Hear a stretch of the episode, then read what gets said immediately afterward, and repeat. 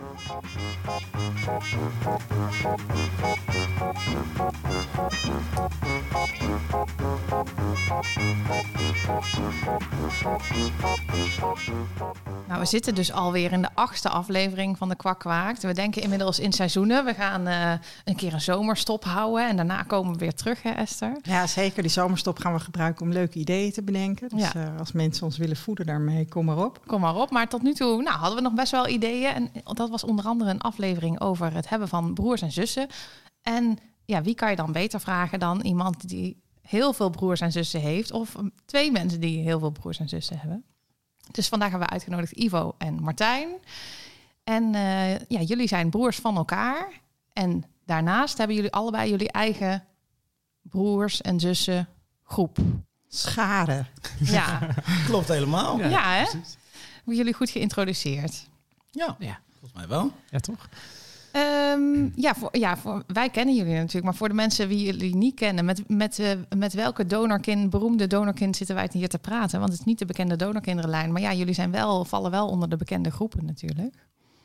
Martijn? Nou ja, ik eh, ben een donorkind van eh dokter Jan Karbaat. Die heeft inmiddels ja, 71 eh, ja, geregistreerde donorkinderen via een DNA-test. En dat blijft natuurlijk maar groeien. Dus 71 donorkinderen en daarnaast nog eigen kinderen. Ja, ze- zeker 13. Eh, mogelijk nog meer buitenechtelijke. Ja, dus dan zit je sowieso al op 84. eh. Eh, ja, verwanten hè, ervan Ja. uitgaande dat de echte kinderen ook allemaal echt van hem zijn. Dat lijkt me logisch, maar ja, Ja. dat is natuurlijk... eh, Hij had wel Sorry. goed werkend zaad in Ja, ieder geval. precies. Hè? Maar in onze wereld is niks logisch. Dus Nee, daarom. betreft, Dus het, eh, eh, dus je weet het nergens nooit, van uitgaan. Als je zo'n- Nee. Als je zo'n kliniek hebt met eh, heel veel rietjes, ja, wie weet wat hij gedaan heeft. Ja. Dat is, ja, daar komen we niet meer helemaal achter inderdaad. precies. Maar in ieder geval fijn dat jij er bent. En jouw broer Ivo is erbij. Ja, ik ben Ivo en ik ben van Louis. En wij hebben, onze groep is nu met 86 uit mijn hoofd. Bam. Dat is ook wel een redelijk Zo. aantal Ja, inmiddels. Ja, en, en beide groepen zijn waarschijnlijk nog niet uitgegroeid, hè? Eh, Nee, oh, dat blijft, eh, blijft groeien. want hoe... eh, Kijk, wij hebben al eerder benoemd... wij zijn best wel weer toe aan een broer of zus. Ja, het heeft al, ik heb al heel lang niks erbij. Hij heeft al meer dan twee jaar, denk ik. Nou ja, ik, ja nu, nu anderhalf. Ja. Eh, dus, maar hoe vaak eh ververst de groep bij jullie, zeg maar? Bij, bij ons was het voor corona elke maand één gemiddeld, sinds ik erbij zat. Ik ben er drie, vier, vier jaar geleden bijgekomen. Toen, ik erbij kwam waren we met 42, geloof ik.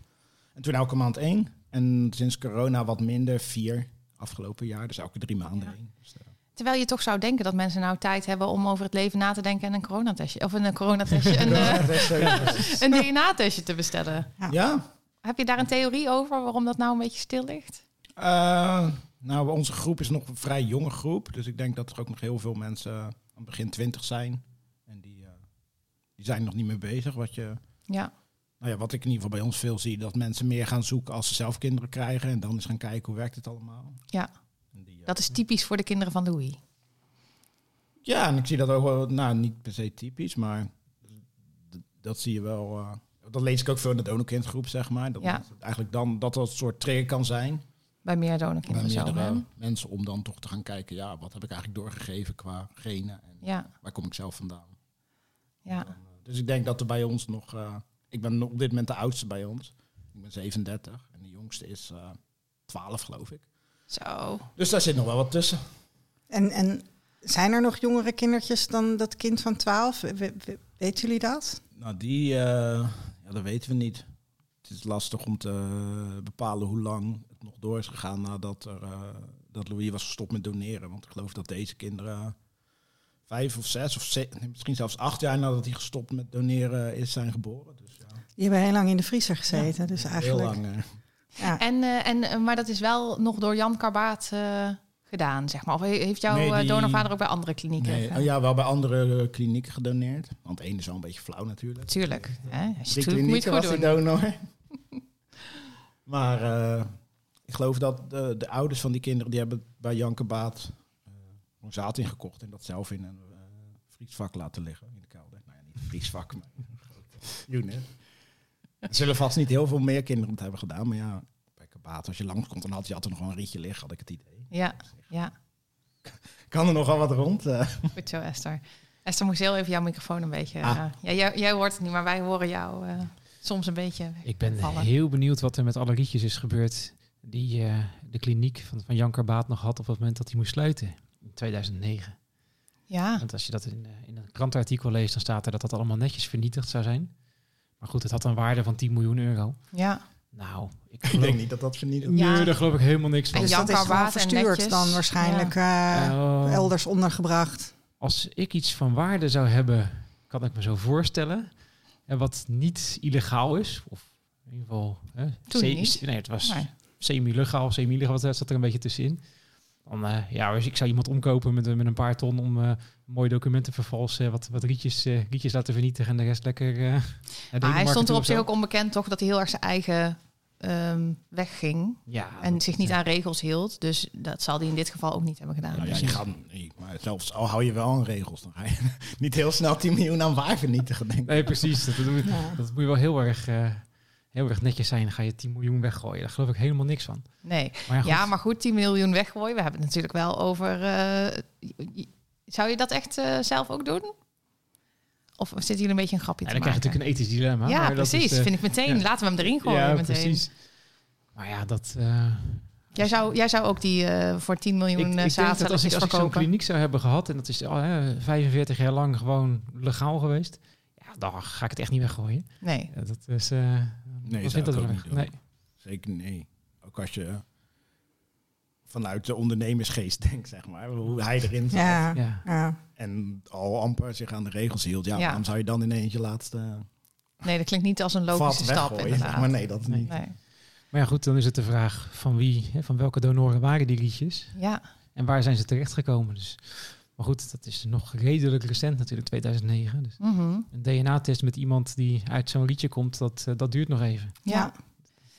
Ja. En vinden jullie het ook wel eens een gekke gedachte dat je dus waarschijnlijk nooit al je broers en zussen zal kennen? Ja, vind ik wel raar. Wel vreemd dat, eh, dat we dat niet kunnen weten, zeg maar. Nee. Dat mensen hebben, voor ons hebben gekozen van oké, we delen gewoon ritjes aan iedereen uit. En wie bij elkaar hoort, dat, ah, dat is toch niet belangrijk. Dat hoef je Ja. niet te weten, joh. Het wordt natuurlijk wel steeds aparter. Hè? Dat ik, eh, net, net, als, net als de groep van Ivo hebben wij natuurlijk ook eh, nou ja, iedere maand een match een beetje gemiddeld. Er zitten wel eens een keer drie maanden tussen, maar dan komen er vervolgens drie tegelijk. Ja, Ehm, je zult dat nooit helemaal weten, inderdaad. Dat is natuurlijk, natuurlijk onmogelijk. Maar nu ook al een paar keer gehad is dat we een match hebben met een generatie verder. Mijn halfbroers en zussen, onze groep, die variëren in leeftijd van 47 tot 32. Dus dat is een jaar of 15 verschil. Maar ja. allemaal wel wat, wat ouder. Dus er zijn er ook zat, die hebben eh onderhand volwassen kinderen. Mhm. Nou ja, die, eh daar wordt reclame voor gemaakt op tv. voor die lol, doen ja. gewoon voor de lol. Hè. Dus, eh, met een hele studentenvereniging allemaal even een DNA-test. Heel dan- goed, allemaal doen. Ja, ja, nou, ja, zeker. Maar goed, dan komt er natuurlijk opeens naar boven dat ze dus een, eh, in een lijst met matches een heleboel ooms en tantes hebben staan. Dat, Mhm. dat is natuurlijk een heel raar, eh, een heel raar iets. Ja. Zeggen ze tegen hun eh, moeder, mama, ja, Ja, hoe zit opa dat? is niet jouw papa. Nee. dan wordt Ja. het heel Ja. raar allemaal. Ja, en als je dan als, als, ja, als, als ouder, dus een halfbroer of zus van, van ons in dit geval, dat niet weet. Hè, je weet niet dat jouw ouders niet, in ieder geval je vader niet je echte vader is. Hè, maar, maar dat ze een donor hebben gebruikt. Ja, dan schrik je je natuurlijk de pleuris, heeft Ja. op zijn Rotterdams gezegd. Ja. Dat is, eh, ja. Zeker na zoveel jaar denken dat het anders was. Hè? Nou, en je ziet ook steeds vaker dat mensen erachter komen, natuurlijk, als hun ouders al overleden zijn. Dus dan, Ja. dan kan je ook geen vragen meer stellen. En dat is ook heel akelig, dat je niet gewoon het verhaal van je ouders kan horen van hoe het dan gekomen is en hoe ze dan bij die dokter terechtgekomen zijn, welke keuzes ze gemaakt hebben. Nee, je kunt beter een keer echt een flinke bonje hebben met je ouders, omdat ze het vertellen als je, als je 30 of 40 bent. Ja, maar dat, eh, en, en op dat moment. Ja. Maar als ze natuurlijk er niet meer zijn en je kunt niks meer vragen, dat is nog een stap erger. Hebben jullie veel broers en zussen in die categorie? Of nog? eh, Nee, Nee, oh ook gelukkig. niet. Maar ja, Ik heb wel een stuk of vijf die het nooit meer aan hun ouders hebben kunnen vragen. Dus dat is, eh, Ja, dat Ja. is wel pijnlijk lijkt me. Ja. ja, Het is ja, sowieso zeker. natuurlijk een, een, een, een rare verrassing. hè. Els vertelde daar ook al over, Els Lijs. Dat ze het vaak meemaakt. Nou, we zien het in de geheime groep inderdaad ook geregeld. Dat mensen zich melden omdat ze voor de lol een testje hebben gedaan. Ja. Dus eh, nou ja, dit is dan weer even een boodschap aan ouders. Om, praat in vredesnaam met je kind. ja. Precies. Ik Ja. zag dat daar een campagne voor gaat komen. Eh, is dat dan, oh, dat zag ik wij op de, in de nieuwsbrief van Donorkind, Ja, geloof leuk ik. hè? Vind ik dus heel Ja. leuk. Ik zat daar ook een beetje Ja. ehm, al door dat bericht van die ehm, ehm, landelijke... ins- hè, hoe heet die weer nou? Landelijk informatiepunt donorconceptie, Ja, bedoel je die. En daar had ik een, eh, een filmpje van gedeeld waar jouw moeder in zat, hè, Esther. Ja. En eh, over het vertellen aan je eh, donorkind dat ze donorkind zijn. En toen dacht ik ook van, oh ja, we moeten ook een oproep daarvoor doen. En dat deed ik eigenlijk door een berichtje te schrijven bij dat filmpje wat ik deelde. En toen zag ik in de nieuwsbrief van Stichting Donorkind dat ook staan dat het eraan komt. Maar is Ja. dat ook een, wordt dat een televisiecampagne? Nee, Of, was maar waar, want we hebben natuurlijk helemaal geen poen. Maar zijn... jammer. eh, ja. Net terug op het jet, maar hè, ja. doen ons best. Nee, ehm, eh, het idee komt oorspronkelijk bij Stef vandaan, onze donordetective Stef. Die heeft eh, in België ooit eens wat mooie uitingen gemaakt. Eh Friedel, die bij ons ook eh, meewerkt aan communicatie, maar ook voor de internationale groep dingen doet, die heeft Stef gevraagd of ze die, dat, dat idee mag gebruiken. En daar hebben we ook Nederlandse tekst op gemaakt. Oh, dus cool. ja, ja Heel dus mooi. dat gaan we delen via social. En ja, weet je, als, als er iemand luistert die eh, denkt van, oh, dat krijg ik wel op tv, dan... eh, ja. Nog een bekend donorkind luisteren. Ja. Ja. ja, ja, ja. Hey, en, en als het gaat om van, ehm, eh, het is fijn als je ouders het je vertellen. Hoe, hoe zijn jullie erachter gekomen dat je donorkind bent? Wat is er gebeurd? Ja, het is ons verteld op een gegeven moment. Hoe oud waren jullie? Ik was 34. En Ivo was dan bijna 30, denk ik, of net 30. 29 was ik. Ja. Ja. En toen, Ja. eh, Ja, onze, onze opvoedvader, die eh, eh, wat natuurlijk gewoon onze vader is, maar toen, Ja. toen wisten we niet anders dan dat het was gewoon papa. Mhm. Die, eh, die belde op voor, om, echt om een afspraak te maken om bij hem thuis te komen. Vertelde ook gelijk hè, dat de ander ook, ook verwacht werd. Dus zonder partners. Nou, die gaat vertellen dat hij ongeneeslijk ziek is of iets in die richting. Ja. We hadden aan de telefoon niks zeggen. Ik denk, pff, helemaal daarheen. Gaat op plannen. Ik wil naar een feestje. Sowieso belde die. Denk, waarom bel je? Want, Heb je is je WhatsApp kapot of zo?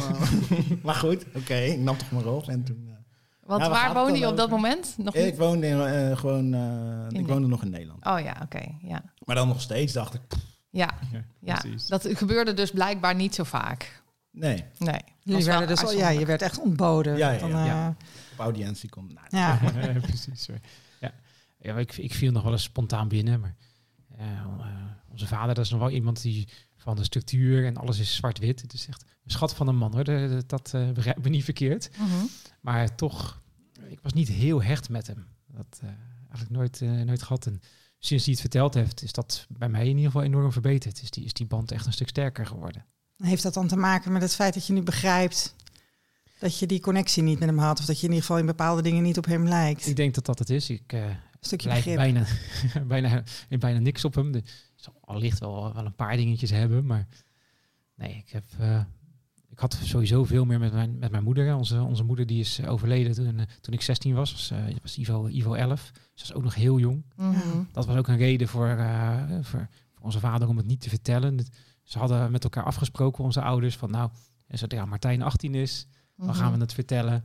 Ja, ook al had eh, dokter Jan Karbaat het eh, min of meer verboden eigenlijk, eh, hoe je- op het hart gedrukt. Want dat moet je echt, eh, echt helemaal geheim houden. En dat is niet doen. zo natuurlijk. Maar goed, ja, eh, anderhalf jaar eh, na de dood van, van mijn moeder werd ik, werd ik 18.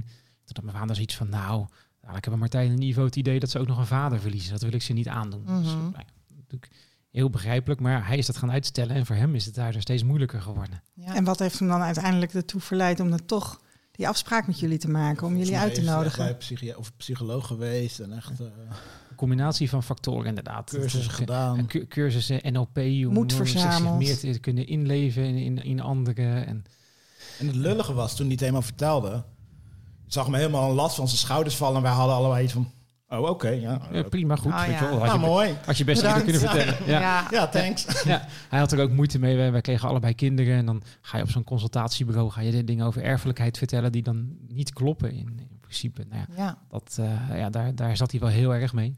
En hebben jullie allebei nooit gedacht voor je 34ste of jij voor je 29ste van eh, dat Ik heb nooit, eh, nou ik vond het wel altijd heel vreemd dat Martijn en ik broers waren. Dat was heel bijzonder. Maar ik heb zelf nooit getwijfeld of, eh, Nee. of Henk onze papa, onze Nee. vader was. Nee, maar jij Ik, was me wel. ik heb het wel een aantal keer geroepen, maar meer gedacht van ben ik niet geadopteerd of iets in die Ja, richting. En dat, dat hoor je vaker, hè? Ja. En, eh, Nou, maar ja, tegelijkertijd eh, heeft, heeft onze vader ook nog één broer, hè, dus onze oom. Ja, daar lijk ik wel weer behoorlijk op, in ieder geval in karakter en zo. Dus dan, Mm. ja, dan denk je al gauw van, oh, nou ja, goed, dat... eh, Heb je in ieder geval die herkenning Ja, wel ergens. precies. Ja. Nee, maar goed, want we, hebben ook even een foto van jullie gepost eh, op onze Insta. en eh dan kun je inderdaad zien dat jullie niet... Jullie zijn, ja... Ja. Jullie hebben echt twee verschillende vaders. Dat, Ja. dat- weet je, als je dat werd, in die eh, wetenschap eh, is er, ja, is er. Ik werd met rood haar geboren en Martijn echt met porno blond haar. Ja, dat, en dat porno blond haar, dat heeft hij nog Dat steeds. heeft hij Ja. maar dat Ja, was nog erger. Het is niet nog, nee, maar toch... eh, Nou, de zomer komt eraan, dan komt Ja, er weer. precies. ja. Maar rood haar zat jij zelfs, Ivo. Ja. En ik vroeg altijd, hoe kom ik dan aan mijn rode haar? Ja, dat is van je opa. En, uh, Oh, die ja. hadden we nooit gekend. Maar nu, uh, Ja, dan kan je dat eenmaal makkelijk gematcht werden, dacht mijn echte oma, die was hartstikke rood, zeg Echt maar. waar? Ja, dat was Oh, gelijk, hé, cool. haar. Dat was Ja, mooi. Dat wist, ja. Grappig, ja. ja. Ja, en eh, want dat is dan ook wel bijzonder. Ehm, want jij vertelde, hè, je bent van Louis. Maar Louis is eh, eh, ehm, eh, deels Surinaams. Hij heeft Surinaamse Ja. wortels. Oh, zijn vader is Surinaams. Ja. Ja, ja. En, en, en jullie, jouw ouders, die zijn, dat zijn, zijn echte Hollanders, zeg maar, met boerenkool en worst. En, eh, ja, Witte mensen. ja, Nou ja, wat wel heel bizar is, is dat eh, Ivo en ik eigenlijk totaal niet op elkaar lijken. Terwijl we hebben natuurlijk wel dezelfde Ja, moeder. ik zit nu dus, de, eigenlijk zit ik de hele tijd zo te kijken. Ja. En ik zit ook een beetje te zoeken van Ja. wat, wat, waarin lijken jullie nou wel op elkaar? Precies. Maar ik heb het nog niet gevonden. Ja, want we zijn, we zijn natuurlijk toch ook nog steeds halfbroers. Ja. Ja. Dan via onze moederskant. Ja. En nog steeds 1500 centimorgen. Ja, precies. Dat is, dat is, dat relatief laag. Maar ja, precies. Jullie hebben vast broers en zussen waar je meer mee deelt Ja, eh, aan bijna vaderskant, of niet? Ja, echt. Martijn staat ergens onderaan. bij mij. Ja, Ivo staat bij mij ook redelijk onderaan in mijn matches. Ja, dus dat is, eh, ja. Bijzonder is dat, hè? Ja, want ik vond dat toch een beetje... Mijn zus staat dan inderdaad bovenaan. Eh, ik heb maar, nog maar één broer. Maar eh, die staat dan wel daarboven. En dacht ik, oh ja, dat voelde dan toch een soort van... alsof dat zo hoort. Maar dat is dus, slaat weer helemaal nergens op natuurlijk. Ja, het is ook niet zo. Nee. Maar het voelde dan toch een soort van goed of zo. Nou ja, als je dat een goed gevoel geeft, dan moet je daar vooral van Nee. genieten. Ja. Nee, ik heb het ook alweer losgelaten. Maar maakt het voor jullie nog iets uit? Nee. Nee. nee hoor. Voelen jullie wel echt broers? Eh, Ivo zit een... eh, Ivo trekt een zuinig mondje, precies, ja. inderdaad. Nou, niet per se niet broers, maar... um, ook, ook wij zijn nooit echt, we konden het goed met elkaar vinden, maar er zit natuurlijk best een, best een leeftijdsverschil. Als je jong bent, is, is, is bijna vijf jaar. Dat is Ja, natuurlijk dat een behoorlijk best verschil. Ja. Dus dat eh, andere interesses. Dus, eh, ook wij zijn nooit echt heel hecht geweest. Hè. Dus nu, we elkaar zien, is het gezellig en dat is prima. Maar dat eh, loopt ook de deur niet bij elkaar plat. Nee. Eh, Nee, we hebben gewoon hele andere interesses. En Ja. als je onze keuze geeft, A of B, dan zou ik A doen en Martijn B. Dus Ja. is- Ja. En, maar dat, nu is het ook fijn dat we weten dat we halfbroers zijn. Want eerst had ik wel van, joh, hoe kan dat nou? Mhm. Waarom is hij zo anders dan ik? Wat, wat, klopt hier niet? ja. En nu klopt het. begrijp ik het eindelijk. En dan Ja. is het ook oké, zeg maar. Is het ook makkelijker, ja. Ja. Ja. Nou, ik, heb, ik heb wel meer dingen nu bijvoorbeeld. Dat, wat ik weet dat Ivo zo anders is. Dat als ik een keer een ruggespraak wil, wil hebben. Ik, ik heb een bedrijf. En daar moet je natuurlijk wel eens keuzes maken. Of ze verstandig zijn of niet. Hè? Dat, en dan ben ik, blijf ik eigenwijs. Dus ik doe gewoon mijn eigen zin. Maar het is dan toch handig om, om het even, even gewoon eens aan iemand voor te leggen. Die daar heel anders naar kijkt. ja. Gewoon om dat, om dat mee te nemen. Dat, nou ja, daar bel ik dan rustig Ivo wel voor. Dus dat Ja. dan weer wel. Mee te nemen of om te kunnen zeggen dat je het aan mij hebt gevraagd. Ja, kan allebei. Dus, ja, ik had het toch van jou. ook. Zie je, nou gaat het niet goed. Potverdorie. Hè? Ja, ja, precies. Nee, maar dat, dat is ook wel weer fijn. Dat je juist weet dat je zo verschillend bent en daar ook, ook gewoon wat mee kunt. Dus het weten heeft jullie wel echt iets gebracht. En zeker Ja, want, want, want jullie klinken allebei best nuchter. Hè? Dus, dus je vader vertelt dit. En jullie hebben zoiets van, ah, oh, oké. Nou, Ja. oké. Ehm, Ja. ja, we namen dat aan en dan weet je wel, eh, Ivo die is dan nog iets, eh, die was sowieso iets hechter met, eh, met voor mij nog steeds, met, met onze vader. Dus die, die sloeg gelijk een arm om me heen van, joh, dat maakt toch helemaal niet uit. En dat, nou ja, Ja. dat gaf Ja. ik natuurlijk ook aan. Ik vond het aan het begin vooral zielig voor hem dat hij zo lang ermee heeft gelopen. Denk, jeetje, Ja. dan overlijdt je vrouw en vervolgens zit je daarmee en dan moet je dat gaan vertellen en dan stel je dat uit en dan stel je dat uit. Ja. Precies. wel heel Ik- dapper dat hij het uiteindelijk Zeker, dan ja. toch die Ja. moed verzameld heeft. Hè? Ja, en dan hebben we ook allebei ja. toch nog wel, we hebben wel een overeenkomst. We hebben, qua humor zitten we nog wel, eh, nog wel bij elkaar in de buurt. Ik ben wel grappiger, maar jij bent soms... Ja, precies. Verschil moeten zijn. Hè? Dat, eh, maar zo, eh, zo kan ik best wel eens gewoon eens rotopmerkingen maken. Waarvan gelukkig onze vader wel weet hoe, ze- hoe ze bedoeld zijn. Dus ja, als, dan, als die dan jarig was, hè, dat is nog voordat we überhaupt wisten. Dus dat we een hoop halfbroers en zussen hadden. Dat heeft een aantal jaar geduurd. Voordat, in ieder geval voordat ik daar naar op zoek ben gegaan. Eh, dan belde ik Ivo wel eens op. Hè, als dan, eh, onze vader jarig. Van, joh, hè, ga jij nog naar onze verzorger toe? Weet je wel, Zo'n zo'n opmerking. zei, ik- zei, ja, ook rustig recht in zijn gezicht. Hè? Dat is, eh dat is niet achter zijn rug om. Maar dat is natuurlijk eigenlijk best wel, best wel een rotopmerking. Ja, inderdaad. Maar daarmee, ja, daarmee weet mijn vader wel dat ik het geaccepteerd heb. Die, Ja. die Leuk kent mij soort daarin. verwerking is dat. Precies. Ja, precies. Dat Ja, door dat op die manier te doen. En dat, eh, ik vind het juist maar- ook mooi om te horen dat dat dus geaccepteerd werd weer ook door jouw vader. En dat Ja. je dus op die manier met elkaar erom kan lachen. Zeg maar. Ja, dan Maar mag het er zijn. Hè? Dat is werd er wel eerst boos om hoor, als ik dan zo'n opmerking maakte. van ja, dat komt toch niet? Weet je wel, het is gewoon Ja. onze vader, doe niet zo gek. En Dat is, eh, Oh ja. Terwijl Ivo op zich best eh, slechte grappen kan maken. Ja, ja, maar... Nee, precies. Nee. Ja, maar het is ook weer mooi, toch? Maar ja, Ivo wilde er in eerste instantie volgens mij ook niet heel veel van weten. Hè, van dat eh, van een donorkind zijn. En misschien wel halfbroers of zussen hebben. Of Ja. wie zou Het zo'n leek me wel leuk om misschien één halfzus te hebben. Oh ja. Dat leek me Ja. want Een leuke dan niet. ook. Wel een leuke halfzus. Ja, precies. Eentje of zo. Ja, ik wil niet veel zeggen, maar jij hebt echt heel veel hele leuke halfzussen. Ja, dan mag ik dan weer Er niks zijn ook- zeggen. Nee. Nee, ik heb inderdaad heel veel leuk. Ja, ik kan het zeker met mijn halfzus echt heel goed vinden. Ja. Met Een hoop. Ja? Ja. Maar ja, je hebt ook veel keuze. Er zitten altijd wel een paar leuke mensen tussen, toch? Of, Ja, eh, dat is ook zo. Dat, is wel het voordeel. Je Dat is wel heel kiezen. luxe hoor. We kunnen echt gewoon kiezen van, nou ja, die is wel leuk en die, daar heb ik wat minder mee. Nou ja, Ja. ja. want je kan toch niet met allemaal natuurlijk veel eh, nee. Nee, een, een, een, band opbouwen en zo. nee, dat lukt je met vijf of zes personen, maar met zo'n Aan het begin wil je dat nog wel. Ja. Dan heb je zoals wij dat noemen de halfjes haai. Dus dan wil je iedereen eh, Ja, Ja. alles ervan weten. Maar ja. Op een gegeven moment kakt dat in. En dan, ja. En dan, dan, dan reality kicks in en dan... Aan eh, het begin zie je heel erg wat je, wat je overeenkomt. En daarna komt dan... Ja, je hebt toch gewoon een hele andere achtergrond, andere milieu opgegroeid. Alles anders. Dus dan ja. gaat dat ook schuren in. eh, ja, dat vind ik ook wel een van de gekste dingen. Dat je gewoon in zulke verschillende nestjes groot wordt. Dat hebben jullie Ja. natuurlijk helemaal. Jullie hebben echt helemaal alle smaken in huis, zeg maar. Ja, en, en toch bij ons in de groep zijn er wel ontzettend veel overeenkomsten. Ook al zijn dus inderdaad de, de, de nesten verschillend. Toch qua, qua interesses, voorkeuren, dat ondernemerschap of, of een aantal artsen. Het zit toch allemaal wel in, in grote lijnen er doorheen. Liefde voor paarden heb ik Ja, langs zien ook- ook komen in nog, het ja. zaad van Karbaat. Maar goed, dat is natuurlijk, dat is dat natuurlijk is- gewoon meisjes eigen. Dat ja, is, ja, eh, ja, ja. Maar dat is dan eh, de kinderen zelf. Maar jij bedoelt misschien bij wat voor ouders? Of bedoel jij ook Ja. bij wat voor ouders Ja, maar dus, terecht dus zijn gekomen? natuurlijk, natuurlijk zijn er, zitten daar heel veel verschillen in. Maar dat je dan toch... hè, Je hebt altijd een beetje die, die nurture versus nature discussie. Mhm. Nou ja, ehm, opvoeding draagt natuurlijk bij. Maar toch, je, je afkomst en je DNA, dat is toch wel heel erg bepalend voor al je, al je voorkeuren. En, Als jij Ja. dat in procenten moet uitdrukken, wat zou je dan zeggen? eh, nou, 80% de- DNA, 20% opvoeding. Zo. Ja. ja Hey, en hoe, hoe jullie zijn dat? de ervaringsdeskundigen natuurlijk. Ja. Kijk nog heel Ja. even naar Ivo. Wat ik zou iets lager zijn. Bij ons, je merkt wel, er is wel een rode, rode draad zit er in iedereen. eh, die, die, eh, sowieso een uiterlijk, maar ook een bepaalde eigenschappen die gewoon heel sterk zijn. En Ja. iedereen heeft. Dus blijkbaar zijn dat dominante dominante eigenschappen. eigenschappen of zo. Maar dat zijn ook wel, toch ook eh, hoe beter je de mensen leert kennen, hoe meer je ook de verschillen ziet, zeg Ja. maar. Maar ik denk wel, eh, ik zou zeggen 60% of zo. Oh ja. Dus niet die 50-50 waar we... We zijn vroeger, hè, was, was het natuurlijk gedacht dat nurture alles was en nature, dat stelde eigenlijk niks ik denk voor. dat nature wel sterker is. Want Ja. uiteindelijk plant je ergens een, nou, letterlijk een zaadje en dan moet er uitkomen wat er uitkomt, wat er al in zit, zeg ja, maar. Ja, ja, het zit er allemaal al in. Ja. Ja. Je hoeft alleen water te geven. En af en toe een boterham, ik wou toch? zeggen, boter was ook wel een keer handig. hè? Hey, en dan op een gegeven moment komt dus het moment dat jullie wel nieuwsgierig worden. Want eh, Ivo, jij wilde in eerste instantie niks weten van dat donorkind zijn. Nee, ik vond het allemaal wel best. Mooi hè, als je dan ziet hoe die nu is. Ja, leuk hè? Ja, Ja. Ivo is redelijk fanatiek en actief ook in, de in de groep voor donorkind. En eh, de Dat is beste een vadervinder die de we, groep. die we hebben. Alles of niets, zeg maar. Als, eh, je ziet wel mensen, als iemand ergens voor gaat, dan gaan ze ook vol ervoor, zeg maar. Dus dat is wel eh Ja, dan, of je duikt er vol in of, eh, of niet. één of nul. Oké. En, en wanneer kwam voor jullie het moment? Kwam dat voor jullie op hetzelfde moment?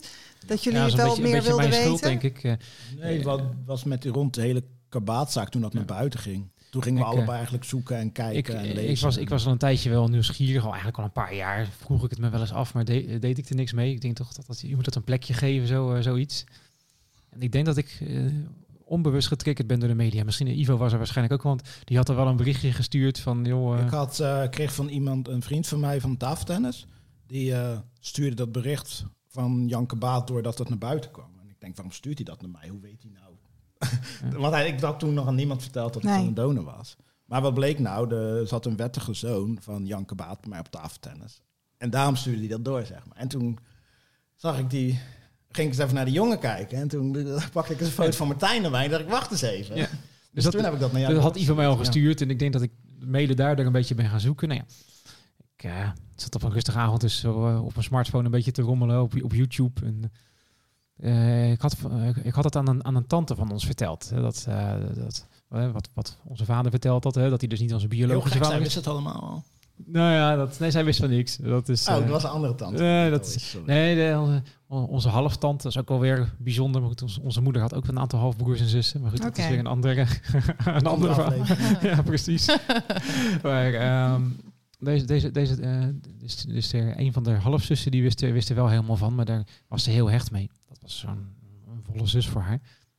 Maar deze, deze tante van ons, die, die wist van niks, maar die had zelf kinderen geadopteerd. En dat, weet je, dat was in de familie best wel een beetje, eh, ja, daar werd, werd, werd best wel een beetje over geoordeeld. Hè, of dat misschien wel veroordeeld zelfs. Omdat er toch wat mensen waren die dat raar vonden, dat je een kind aanneemt van een ander. Ah. Ja, toen kwamen wij opeens. Oh, hè, met, eh, als, als, als donorkind zijn. Dat, eh, dus dat vertelde ik haar. Nou ja, zij had de aflevering van Spoorloos gezien, waar Lou- Louis in zat. Er zijn een aantal, aantal kinderen, dus halfbroers en zussen Oh, ja. van Ivo dus. Ja. En dat tegen mij gezegd. Maar ik denk, nou ja, die donor, dat is een, is een Surinaamse man. Daar, ik ben blond haar, blauwe ogen, heb ik niks mee te maken. Dus, eh, dus daar ben ik verder niet naar gaan kijken. Maar dat ben ik toch eens gaan zoeken. En dan kwam ik inderdaad een uitzending van Pauw tegen. Waar eh, ja, dus een hoop halfbroers en zussen van Ivo in zaten. En daar zat er één, één in. Nou, dat, was, dat had Ja. een tweeling kunnen zijn in, in beeld. Dus dat heb ik een screenshot van gemaakt en geappt aan hem. En eigenlijk vanaf dat moment eh, is Ivo 180 graden gedraaid. En wilde hij er alles Ja, van weten. ik meteen weten hoe het staat. Ik zag dat. En Ja. toen ben ik gelijk, ik heb die aflevering gekeken, ben ik gelijk naar de chat van Stichting Donorkind gegaan. Berichtje, wat dit en dat. Ja. En toen, eh, tien minuten later, pling aan de andere kant. Zat mijn halfzus aan de andere kant en die zag het ook gelijk. En toen, eh, ik heb echt letterlijk, ik ben gaan zoeken. Ik heb misschien binnen een, eh, bij wijze van spreken, binnen een half uur heb ik mijn donorvader gevonden. Misschien wel record houden, maar ik snel uit. Ja.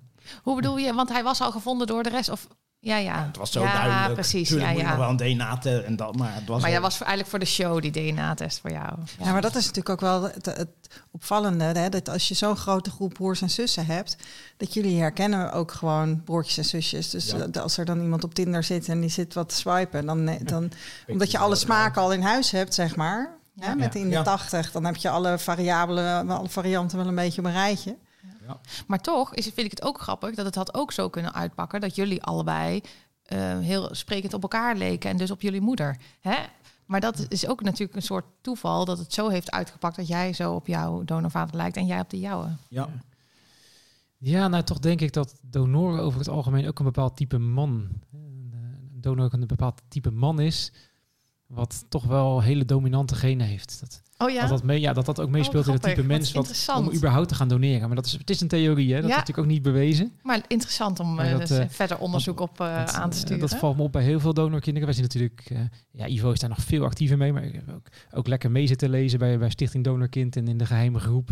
ja. Nou ja, daar kom je natuurlijk een heleboel, want er zijn veel meer gro- groepen, ook best grote groepen. Mhm. Nou, dan kom je toch best wel wat tegen. En daar- ja, dat valt me toch wel op dat al die halfbroers en zussen wel heel veel van elkaar weg hebben. Dat Oh is ja. dan- Ja, er zijn groepen die inderdaad wel heel sterk op elkaar lijken. Hè? ja. Hey, en, en, en want jij, Ivo, had op een gegeven moment dus wel in de gaten dat je broer heel erg op eh, een kind van Karbaat leek. Ja, en toen las ik over Karbaat. En wat hij allemaal, eh, nou zijn karakter. En toen dacht oh ja. Nee, Ja, dat kan niet anders. Dat kan niet missen. Oh ja, dacht jij meteen Ja. Maar dan ben je dus van, dan kom je er dus achter dat je waarschijnlijk van de dokter bent. En wat, wat, Ja. wat gebeurt er dan? Nou ja, goed. ehm, het moment dat Ivo dat stuurde, was ik me daar nog niet van bewust. En dat drong ook niet zo door. Dat, dat ja hoor, grappen maken. Ja. Mhm. Maar inderdaad, op het moment dat ik die uitzending van Pauw had gezien, eh, was het volgende filmpje dat eh, YouTube dankzij de cookies naar voren gooide. was eh, een, eh, een, een aflevering van eh RTL Late Night met, eh, met Joey erin. ja. Oh ja. En die, eh, die was toen ook nog niet en gemist. Monique. Ja. Ja, nou ja, dat, ja, ja, klopt. En Joey die wist toen ook nog helemaal van, eh, van, van niks. Maar die vermoedde wel heel sterk dat eh Karbaat wel zijn vader zou kunnen zijn. Ja. Ja, daar kwam een foto voorbij van een, van een jonge Karbaat. Nou, daar kan ik een foto van mezelf op die leeftijd nazetten. Dat is bijna een kopie. Dat is Ja. echt, Ja. echt heel bizar. Ik zie die foto ook meteen voor me, inderdaad. Ja, jij lijkt ook heel Dat, veel eh, op. dat- eh, ja, ik lijk ontzettend. eh, nu ik wat ouder word, gelukkig wat minder. Tenminste, dus hoe je het bekijkt. Maar- ja, is dat gelukkig? Nou ja, vond Jan Carbaten niet knapper op worden Oh ja, dat hij ja. ouder werd. Nee, dat kan ik me voorstellen. dat is, Jij eh, bent heel knap hoor. dat dus is- eh, nou ja, dat heb je dan van voor jou is het ook goed dat dit een post- podcast is. Maar jij hebt ook wel echt een gezicht voor de radio. Ja, precies. Nee Als- hoor. Als ik voor de spiegel sta, breekt hij. Nee hoor, maar Nee, helemaal niet joh. Nee hoor, we maken straks een filmpje. Ja, het is goed. Dan, heb, dan, nee, maar dan blijkt dus de dokter, dan blijkt je vader de, de, de dokter te Ja, zijn. dus- en dan, dus, dan dus, dus wat, net als Ivo, dat hij dus eh, tien minuten eerder gelijk zoiets had van... nou, dat is zo zeker. Was ik er, eh, was ik er op dat moment ook er gewoon helemaal zeker van. Dus ja, inderdaad, eh, dankzij Ivo in contact gekomen met Stichting Donorkind. Ja, daar eh, deed ik mijn verhaal en daar reageerde Joey ook gelijk. Die zat ook, eh, ook in die groep. Oh ja. Dus dat, eh, nee, en uiteindelijk na mijn DNA-match, en een aantal maanden later, was ik nummer 25 eh, bij ons in de groep. Dus dat, eh, maar hoe, doe- hoe deal je daar dan mee? Dat, want het, weet je, het- er wordt natuurlijk heel veel over gezegd. Want er worden documentaires over die man gemaakt. Mhm. de, de, Ja. de hele wereld valt over hem heen. Vindt van, alle, van alles van hem. En, Ja. en hoe is het dan als dat Ja, je vader er, er is? Er zijn een aantal van mijn halfbroers en zussen die, die het daar best moeilijk mee hebben. Zeker als ze nog wat recenter gematcht zijn. Want er komt ook best een hoop negativiteit over Jan Karbaat naar buiten. Ja. Mhm. Ehm, aan, de, aan de andere kant eh, heeft hij natuurlijk ook best wel eh, een heleboel moeders, hè, wensmoeders, geholpen aan een kind. Hij heeft een, een grootste wens heeft hij vervuld. Dus, eh, dus vanuit dat oogpunt, natuurlijk, hoe, hoe wij er als donorkinderen in staan, is, is, is wat anders. Maar die moeders, hè, die hadden die wens. En dat Ja. hebben ze gekregen. Ja. En die zag hij. Die zag hij. En die mensen maakte hij in die zin gelukkig. natuurlijk. Precies. Dat, eh, ja, en daarnaast eh, ben ik ook gewoon een individu en dat, is- dat is iedereen. En moet je, ja, moet je gewoon je eigen keuzes maken. En natuurlijk heb ik dingen van hem weg en kan ik, vind ik het ook. Heb ik er ook minder moeite mee om de grenzen op te zoeken. Maar eh, ik trek nog wel een grens. Ik wil niet echt grenzen over. Nee. Eh, dat is, eh, maar goed, dat hebben een hoop van mijn halfbroers en zussen. Die, ja, grenzen zijn er, maar regeltjes. Maar goed, je moet ook kunnen leven en, eh, en je dingen kunnen doen.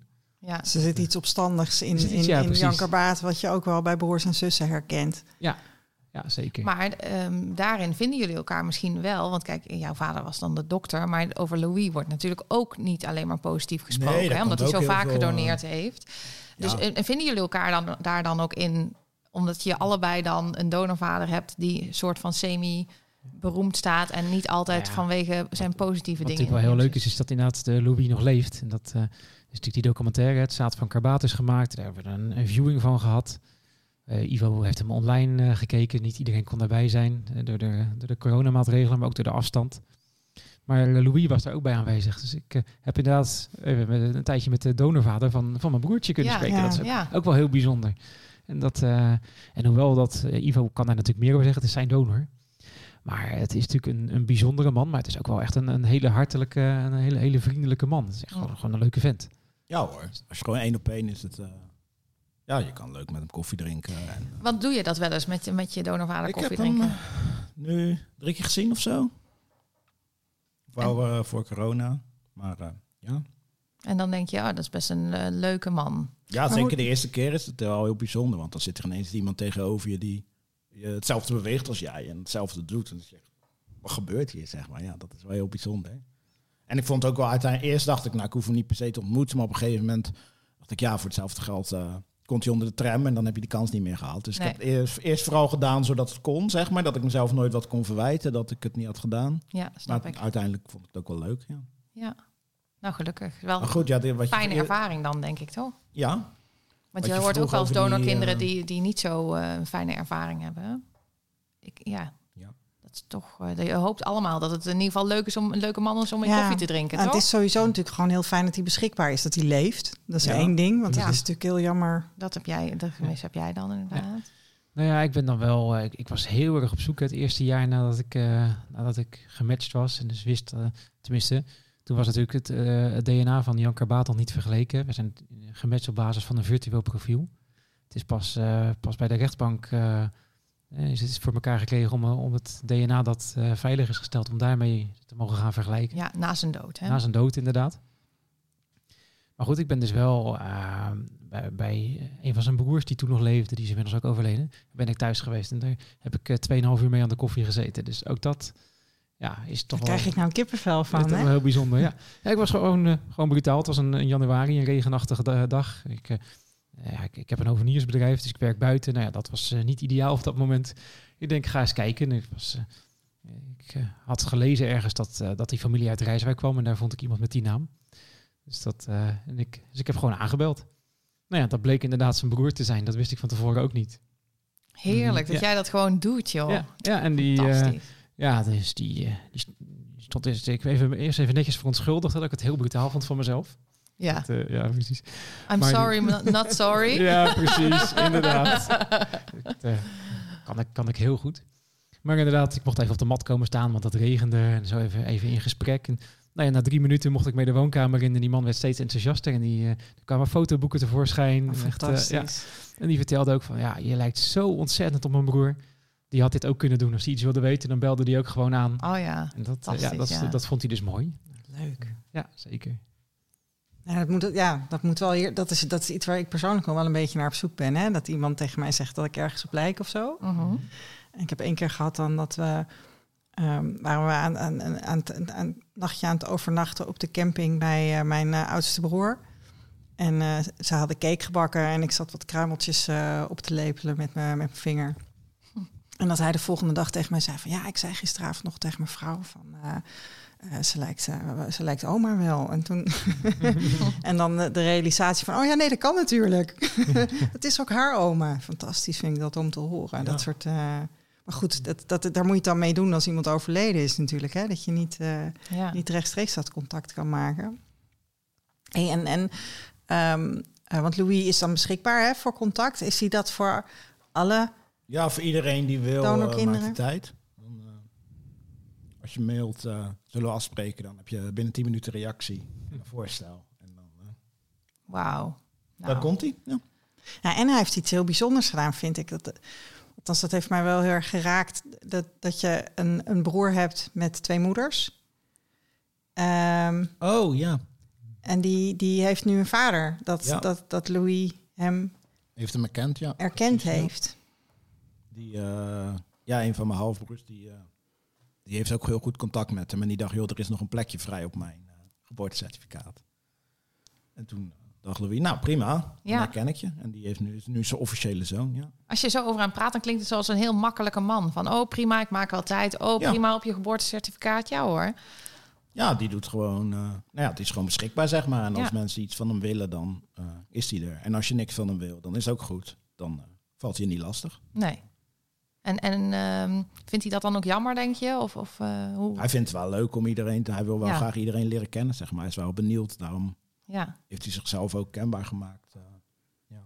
Hey, en hoe doen jullie dat nou met al die broers en zussen? Want ja, soms, eh, we hebben vorige keer een aflevering gehad over dilemma's. Hè, van hoe leg je nou contact bijvoorbeeld met mensen over wie je twijfelt. Maar eh, ehm, ja, jullie zijn natuurlijk ervaringsdeskundigen. Dus, dus ik dacht, ja, wat, wat is jullie ervaring met het contact leggen met mensen die eh, je nieuwe broer of zus zijn? Ehm, al Bedoel- één en twee, als ze het nog niet weten en jij denkt, ja, maar hé, hey, jij bent mijn broer of zus. Ja, wat doe je dan? Nou ja, contact leggen met nieuwe halfbroers en zussen, dat is niet heel moeilijk. Tenminste, vind ik niet heel moeilijk. Maar, ehm, nou ben ik natuurlijk ook wel regelmatig in, in de media geweest. Dus over het algemeen, als, als een van mijn halfbroers of zussen een, een match heeft, dan hebben ze al wel een idee wie, wie ik ben. En eh, komt er ook via Facebook of, of een, of een, ander, eh, een andere mogelijkheid komt er contact. Hè. Dat kan ook, kan ook per mail.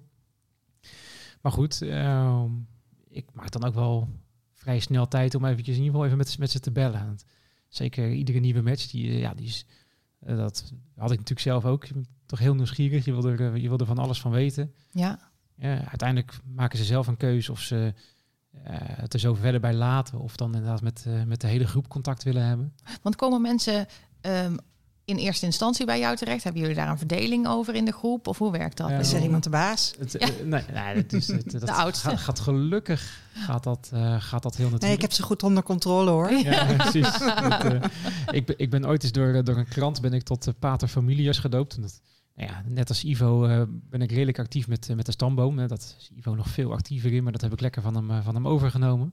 Hm. Dus ik heb een enorme berg aan informatie verzameld over, over Jan Karbaat. En, dat, en eigenlijk wel contact met bijna al mijn halfbroers en zussen. het begint zelfs een, een echte familie te worden. Want we hebben er ook wel eens een paar een conflict met elkaar. Dan gaan ze, gaan ze mij bellen. ja, echt waar. Om daartussenin te zitten. Joh, joh. Dus Oh, dat ja? is, ja, ja vind, ik- vind ik ook wel mooi. Dat vind, ik- vind ik ook wel leuk. Ja, vind je een fijne rol? Ja, vind ik een hele fijne rol. Dat is, Bemiddelaar. eh, dat, eh, ook, ook, ook alle roddels, dat, eh, dat komt bij mij terecht echt. eh, Oh, dan hoor je natuurlijk ook alles. Heerlijk, ja, precies. eh, ja, dus dat Maar is, jij bent zowel, jij doet zowel de filmmatches als de internationale databank. Bij ons is dat wel een verschil. Ja. We hebben Maaike die doet film. Ja. En ik doe de rest. Ik doe de mensen die het misschien niet weten, zeg maar. Ja. Dus, Ja, En hoe ga je daar dan mee om, Ivo? ja, ik, Dan- eigenlijk altijd standaard eh, iets wat ik doe. Als dan zie ik een match. En dan eh zoek ik een berichtje van... joh, ik zie dat we een hoge match hebben. En eh, wat is eigenlijk de reden dat je getest hebt? Ja, En soms is het dan, eh, ik eh, ben van een donor en ik wilde meer weten. Soms is het, eh, ik ben, ben van een donor en wilde kijken waar mijn, waar mijn roots liggen. Dus die meer die, die afkomst, kom ik uit, eh, waar kom ik vandaan. ja. En soms is het ook voor de fun en testen. En eh, nu eh, staan er ineens 50 man op een lijst. Ja. Ja, bizar hè? En eh, als je dan, want ik heb dus wel eens met My dan stuur ik een bericht en dan krijg ik helemaal geen reactie. Heb, en dan hoor ik wel eens van, eh, van een ander donorkind van, oh, maar dat was bij iemand ook in de spambox terechtgekomen. Heb je die ervaring ook veel of niet? ja, dat, dat komt niet altijd aan. Maar eh, En wat doe je dan? nou, dan kijk ik even op Facebook. De meeste, dan pikken ze wel eruit. Dan is het daartoe zeg ik, joh, Ja, ja, dan stuur je een bericht via Facebook. Ja, oké. Ja. Ja, oké.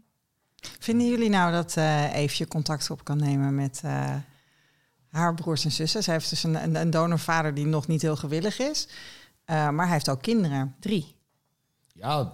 Kan, kan zij? Daar zit ik dus over in twijfel. Ik was eerst toen dit begon, zeg maar, toen ik erachter kwam, dacht ik, nee, ja, dat ga ik natuurlijk niet doen, want ik weet niet of zij het weet en dat vond ik dan niet aan mij. Maar ik ben langzaam aan het schuiven naar een heel ander. eh, dus ik ben benieuwd wat, eh, wat jullie eh Nou ja, dat, daarop dat had, ik, had ik in het begin ook. Hè, dat ik er toch heel voorzichtig in was. En daar moet je ook voorzichtig in blijven. Want je kunt natuurlijk van alles overhoop halen. Dat in, in, of het nou in dit geval gaat om, om je, je donorsfamilie of, of een nieuwe halfbroers of zussen. Een, een match die ja, je weet niet van tevoren om wat, voor- wat voor reden dat ze, de, dat ze zo'n zo'n test hebben gedaan. Dus, maar ik ben nou, ik zit nou inmiddels wel op het punt dat ik zoiets heb van je moet gewoon contact zoeken. Dat is, eh, Ook als zij, die, want eh, die kinderen van mijn donorvader, die hebben dus geen match eh, test gedaan, hè? Mhm. Dus Nee, maar jij weet toch dat Ik ze- weet, ja, ik weet zij het. hebben toch ook Ja. recht om dat te weten. ja. Ja. ja, voor jou is het echt klik, eh, klip en klaar, zeg maar. Eerst was ik daar ook wel wat minder. eh, dacht ik, jij moet een beetje oppassen. Maar dan denk ik, ja, hallo. We zijn Zij, er. ja, Ja, je bent ja. het toch? En Ja. zij hebben toch ook gewoon recht om te weten dat jij een leuke zus Ja, wel leuk en- om te merken hoor, dit. Ja, vind ik ook leuk. dat ja. is wel een proces, dat heeft wel even, even geduurd hoor. Dat is, eh, en dat ook bij ons in de groep is daar best een beetje discussie over geweest. Ja, een van mijn, mijn halfzussen die eh, al eh, echt aan het begin gematcht is, die heb ik wel eens een keer een discussie mee gehad van moet je nou zomaar contact opnemen als je zo'n, eh, in ons geval dan een, een, een nieuwe DNA-match hebt. Zij zei van ja, als, eh, als, eh, als je mij benaderd had eh, in zo'n situatie en mijn man had dat gezien, nou die eh, was verhaal komen halen bij je, had je een paar blauwe ogen gehad. Dus Je hebt al blauwe ogen. Ja, Ja, daarom, die heb ik al, dus dat komen. Dus dat, dat, dat, natuurlijk moet je dat wel met, met, met beleid en, en een beetje tactisch Ook voor doen. je Ja, eigen precies. veiligheid. Ja, ook dat. als iemand een test doet, dan kan je natuurlijk sowieso benaderen. Precies. een test doen. Ja. Maar inderdaad, zo'n, in jouw geval, eh heeft je, jouw donor die heeft, heeft gedoneerd. Nou, misschien dat het meevalt, maar voor hetzelfde geld heeft hij ook 50 eh, donorkinderen. ja. Dat heeft ook invloed op zijn, op zijn eigen kinderen. Ja, dat, eh, die moeten natuurlijk geen relatie beginnen met een halfbroer of zus. Nee. Maar ook hun kinderen. Dat geldt zeker ook. eh, Ivo en ik, onze, onze kinderen moeten daar nog veel meer op letten. Dat- Zeker. Is dat, is dat alweer een generatie verder? Maar nog Ja. steeds, Ja. ik geloof dat mijn, mijn dochters, die lopen 36 keer meer risico op ongelukkige kinderen als ze een relatie met een halfneef krijgen. Ja, Nou, dat is nog heel veel. dat is Ja, en er is veel. wel sprake van een magische vermenigvuldiging natuurlijk Ja, bij, bij ons is in het zelfs familie. zo met die leeftijdsverschillen dat eh, wij- ik heb halfbroers die jonger zijn dan half nichtjes, zeg maar. Ja. Oh, heftig, ja. Dus dat, ja, dat je kunnen ook gewoon. Ja, iemand want kan ook met zijn iemand oom van thuis 12. komen. Ja, Ja. precies. Ja. En dat wat, want in dat kader, hè, eh, jullie zijn dan onderdeel van een hele grote groep. Eh, dat is natuurlijk zo. En dat, ik kan me voorstellen dat je dat ook niet anders zou willen, want dat is gewoon, dat is hoe Dat het is het is. Ja. Ehm, maar als je nou eh, eh, mocht adviseren, je, je mocht advies geven van ehm, eh, hoeveel kinderen mogen er dan per donor ik gemaakt vind, worden? Ik vind dat een hele moeilijke vraag. Want dat, is, dat moet je natuurlijk sowieso beperkt houden. Hè, want anders zit je, zit je met allerlei genetische risico's als, elkaar, als die kinderen Ja, elkaar het is gaan nu vinden. 12. Het, het, het was volgens mij 25 kinderen van een donor. Precies. En met de aanpassing van de wet is het eh, eh, 12 gezinnen. Ja, Ik denk eh, voor mij wat... Als je gewoon Maar wat is redelijk? Wat, een stuk eh, of zes of zo per donor. Ja. En dan vooral vanuit de kinderen gekeken. Want Ja. dan heb je... Nou ja, met zes mensen kun je wat opbouwen. Ja. Als je naar het risico kijkt dat ze elkaar vinden, dat is niet heel groot, wordt er gezegd. Maar als ik dan bij ons in de groep kijk hoeveel van mijn halfbroers en zussen er al contact met elkaar hebben gehad voordat ze wisten dat ze halfbroers en zus zijn. Er zijn er twee die hebben vier jaar lang een promotieonderzoek gedaan samen. Zonder dat, eh, dat En ze die dat wisten niet dat ze Die wisten niet dat Dit ze bizar, hè? Ja, dat, ze dat soort dingen. ja. En er zijn er meerdere die bij elkaar op school hebben gezeten. Er zijn er een aantal die hebben een, een bestuursjaar op de universiteit gedaan. Zijn samen op reis geweest. Dus En wat je dat kan je natuurlijk afvragen, eh, ja, het risico groot of klein. Ja, dat vind ik ook niet relevant. Ik denk, Nee, met de kennis van nu... Ja, Kijk, wat in het verleden is gebeurd, is in het verleden, maar daar moet je van leren. En ik denk als je nou ja, alle, met de donorkinderen praat en dan een beetje ziet wat normaal is, dat je, waar je wat mee kan opbouwen. Want het kost ook gewoon heel veel energie om iemand die je later leert kennen. ja. Ja, het is anders dan als je samen Ja. mee opvo- opgroeit, maar toch wil je daar eh, wel wat mee kunnen doen. Denk Ja. dan ja, een stuk of zes. Maar het, blij- het blijft heel moeilijk, want je hebt natuurlijk sowieso ook nog eh, allerlei buitenlandse banken waar, eh, waar wens, eh, wensouders van alles kunnen kopen. Natuurlijk zowel, eh, zowel, zowel zaad, maar ook eicellen. Dat is natuurlijk, er is gewoon wereldwijd handel in. ja. Dus dat kunnen we niet alleen vanuit Nederland regelen. Dat zal echt Nee, internationaal moeten nee maar goed. Nee, dat is een goed punt. Maar dit Ja. gaat dit, waar, waar- waarom, waarom ik de vraag stel, is sowieso omdat we de vraag ook binnen hadden gekregen. eh, eh, naar aanleiding van, van het bericht dat jullie hier zouden zijn. Ehm, maar dat je inderdaad ook vanuit donorkinderen geredeneerd kijkt van joh, wat, is, wat is nou prettig en redelijk. En ik kan me ook nog voorstellen dat het voor een donorvader. Weet je, dat, Mhm. dat niet iedereen is zo van elastiek als eh, Louis. Nee, precies. Eh, weet je niet, ja, nee, maar goed, er zijn natuurlijk, zoals die K34, hè, de, de, de donorvader van, eh, van Maria. Eh, die man die hoort op een gegeven moment ook dat het er 54 zijn. Daar had hij Ja. waarschijnlijk ook niet voor getekend. En Nee. misschien is, is dat ook onderdeel van dat hij denkt van ja, hé, hey, de groeten, dat trek ik niet. nee. Dus ja, Ja. ook, ook, ook vanuit dat perspectief. Maar goed, we- voor mij zijn die donorkinderen leidend hoor, want zo, zo egoïstisch ben ik wel. Mhm. En ik vind die zes, dat vind ik redelijk klinken. Ja, dan kan je het is nog op ook in elkaars belang verjaardag van komen. en, eh, dat zo'n donor niet afgeschrikt wordt door een heel groot aantal. Dus dat, is, eh, Precies, hè, ja. dat is ook weer in belang van Ja. Ja, donorkinderen. wat, wat, wat vind jij, Eefje? Wat vind jij eh, een, een acceptabel aantal? Ik vind eigenlijk dat we het helemaal niet moeten doen. Ah! Ja, ja, ik ben gewoon Ja, wat een heb je beetje ook een punt. Ja, heb je ook een punt. En eh, nou, ik heb nu eh, een familie, heb ik al eerder in de podcast verteld, die dus eh, in het buitenland een eicelletje gaan halen. En dat had ik laatst, eh, vorig weekend eigenlijk nog in de Dat is een familie. dan- anonieme eicel, hè, Eefje? Nou, zij zeggen dus van niet. Maar ja, ik- ja. ja, snap je? Ja. En, maar dan heb je, en ik heb wel aan Esther verteld wat er dan gebeurt, is dat je dan dus een discussie krijgt over anoniem of niet anoniem. Of, en dan gaan, gaat familie zeggen van, eh, ehm, ja, maar sommige donorkinderen vinden het helemaal niet erg. En dan, eh, nou, ten eerste voel ik me dan best wel gekwetst. En dan moet ik me, mezelf als leidend voorwerp, Ja. tenminste, dat Ja. moet ik niet, maar ik ben dan toch de activist. En dan denk ik, ja, ik moet het opnemen voor de donorkinderen. En ik heb mezelf als voorbeeld. Maar dat is een heel raar gevoel, want dan zit je een soort van, ga ik me nou medelijden over mezelf op, hè, snap je? Dat is Ja. gewoon een heel vervelende situatie. En wat zegt iemand eigenlijk tegen jou op het moment dat iemand zegt van ja, maar er zijn ook donorkinderen die er geen probleem Nou, mee eigenlijk hebben? voel ik me dan zo van, oh, dus ja, ik stel me aan of zo. Of eh, wat, wat ik voel is blijkbaar niet belangrijk. En dan lijkt het toch. Ehm, en, dan, en dan raak ik ook een beetje verstrikt in die, in die drogargumenten waar mensen dan ja, mee want het is totaal niet relevant dat er En dan ga ik donorkinderen daarop zouden in. zijn die er geen moeite mee Nee. hebben. Waar het om gaat is dat je als mens rechten hebt. Ja. Toch, Eefje? Precies. Maar daar kom ik dan dus op zo'n moment niet meer uit. En ik vind het dan heel kwetsend dat ik dan, dan denk van... wow, dit gebeurt gewoon in mijn eigen familie. En, en ook dat ik voel van... het is niet dat zij eh, heel uitzonderlijk zijn dat zij dit zo zien. En dan denk ik, oh ja, er wordt nog op zo, zoveel, door zoveel mensen op die manier naar gekeken. En dan zit ik daar toch voor mijn gevoel. Ja, mijn vriend steunt mij dan heel erg. Maar dan eh, zit ik toch, denk ik, oh shit, ik ben hier het leidend voor. Ben ik, ik moet hier strijden tegen iets eh, waar, waar niet tegen op te strijden valt tegen die argumenten. Snap je? Het blijft een hele lastige strijd. En dat is niet Ja, alleen kinderwens is gewoon heel groot. Dus als je daar tegenin moet gaan, Ja. dat is heel Nou moeilijk. ja, als je, als je Ja. nagaat, hè, dus dat, eh, het zijn ook maar cijfers die ik gelezen heb. Dus of ze helemaal kloppen, dat, eh, ik heb ze niet zelf onderzocht. Maar het, het schijnt dat ehm één op de vijf zwangerschappen op de een of andere manier geholpen is. En dat is dan heel breed. Dus dat kan gewoon met hormonen zijn. Mhm. eh, tot een, eh, een, een, vo- een volledige... eh, ja, IVF. ja, traject. precies. Ja. Je, kunt, je kunt alle kanten op. Maar ja, dus één op de vijf kinderen die geboren wordt, is op de een of andere manier geholpen. Nou ja, dat vind ik, vind ik heel veel. ja, vind ik ook veel. Ja. Dat betekent dus wel, eh, dat wisten we natuurlijk al lang, maar dat die kinderwens gewoon ontzettend groot is. Ja. Precies. Dus- En, de, en eh, dat is het. Er is gewoon eh, die industrie voelt natuurlijk van dat is voor mensen zo belangrijk. Dus je kan mensen ook helemaal uitmelken omdat het voor hun Ja. zo belangrijk Ja. is. En, en ik vind het zo jammer dat we dan. ehm, nou, wij laten best wel van ons horen. Hè? Jullie allebei ook, maar wij, wij, Esther en ik ook.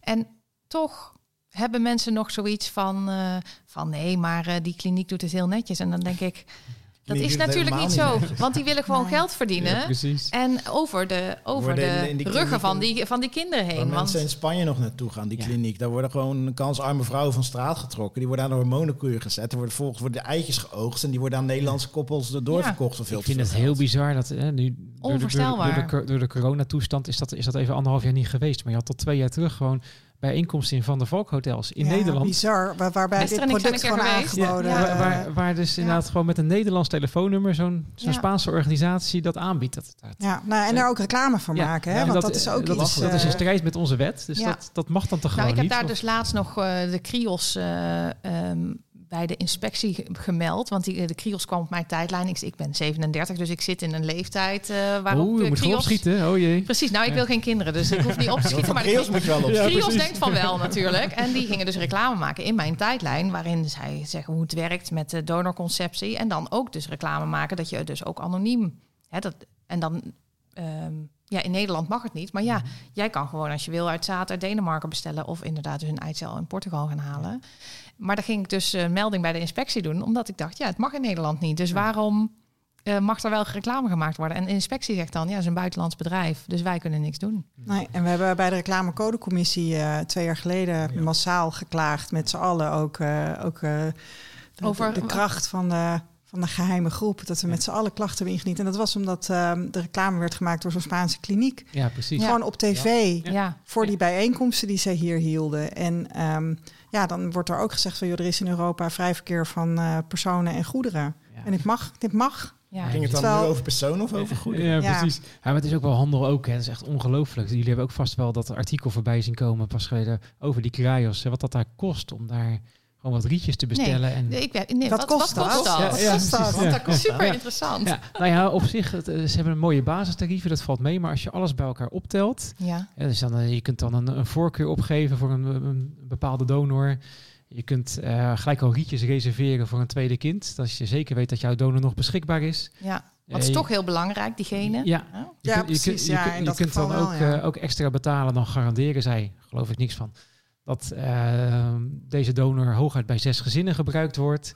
Daar betaal je allemaal extra voor. En als je dat, Dat is allemaal allemaal zo doet, intransparant als de pest natuurlijk. dan- hè? dan- je kan van alles dus- verkopen. dan kost het dus daar... En dan heb, ben je dus nog niet behandeld. Hè, want je bestelt alleen maar rietjes. Dus voordat je ze dan thuis hebt, eh, ben je 4400 euro kwijt. Ja, hoppakee. En wat ik begrepen heb, is dat zij niet meer in Nederland eh, aan particulieren mogen leveren, maar alleen in klinie aan klinieken. Dus dat betekent dat je eh, vervolgens ook nog de kosten van de kliniek zeg Ja, maar, erbij krijgt. precies. Dat je niet, je kan geen thuisinseminatie doen. Nou, Nee, en maar ik veel vind mensen ook... laten in België komen ook. En dan Oh, doen ze oké, daar. dan- ja. dat mag Ja. wel. En dan kan je nou natuurlijk nog anoniem bestellen. Ja. Maar eigenlijk vind ik het Ja, ook fijn. kwalijk. Dat, dus eigenlijk is het ook dus eigenlijk, eh, als je het goed wil doen, moet je heel veel geld hebben. Of als je Mhm. het goed wil doen, nou, je kan al afvragen of het goed is. Maar als je dus hè, een, een, een tweede kind van dezelfde donor wil en een donor die maar aan zes kinderen doneert, dan moet je dus meer geld neerleggen. Dus mensen met weinig geld en een kinderwens. Ja, die gaan, die zeggen, gaan misschien daarop. eh, nou, waar, waar kunnen we op ja, die duiken eh, de kroeg in strepen? en die trekken een kerel eh, Nou ja, goed, dat, dat, corona. dat gebeurt natuurlijk al generaties lang. Ja. Dus Ja, dat is, eh, precies. dat, dat- Maar dat- dan is de Nederlanders iets makkelijker te vinden dan natuurlijk dat je straks moet Ja. gaan stambomen. ja, dan kan Ivo kan hem gewoon zo, kan hem zo vinden. Ja, maar ook Ja. bij die eh, Deense bank, dan betaal je extra voor zes, eh, dat er maximaal zes kinderen zijn, maar dan krijg je toch uh, Jonathan. Ja, Met, precies. Ja, met Ja, 110 kinderen. inderdaad. Ja. Ja, Dus bizar, dat is hè? sowieso niet waar. Maar dat vind ik ook het kwalijke, dat mensen dan gaan zeggen van nee, maar die kliniek regelt het heel goed. En ik kan nu bijvoorbeeld van die kliniek in Portugal, waar het dan over gaat, ja, ik kan nu niet bewijzen dat dat nu niet zo is, want ik, ik heb me niet verdiept in, ik weet niet welke kliniek.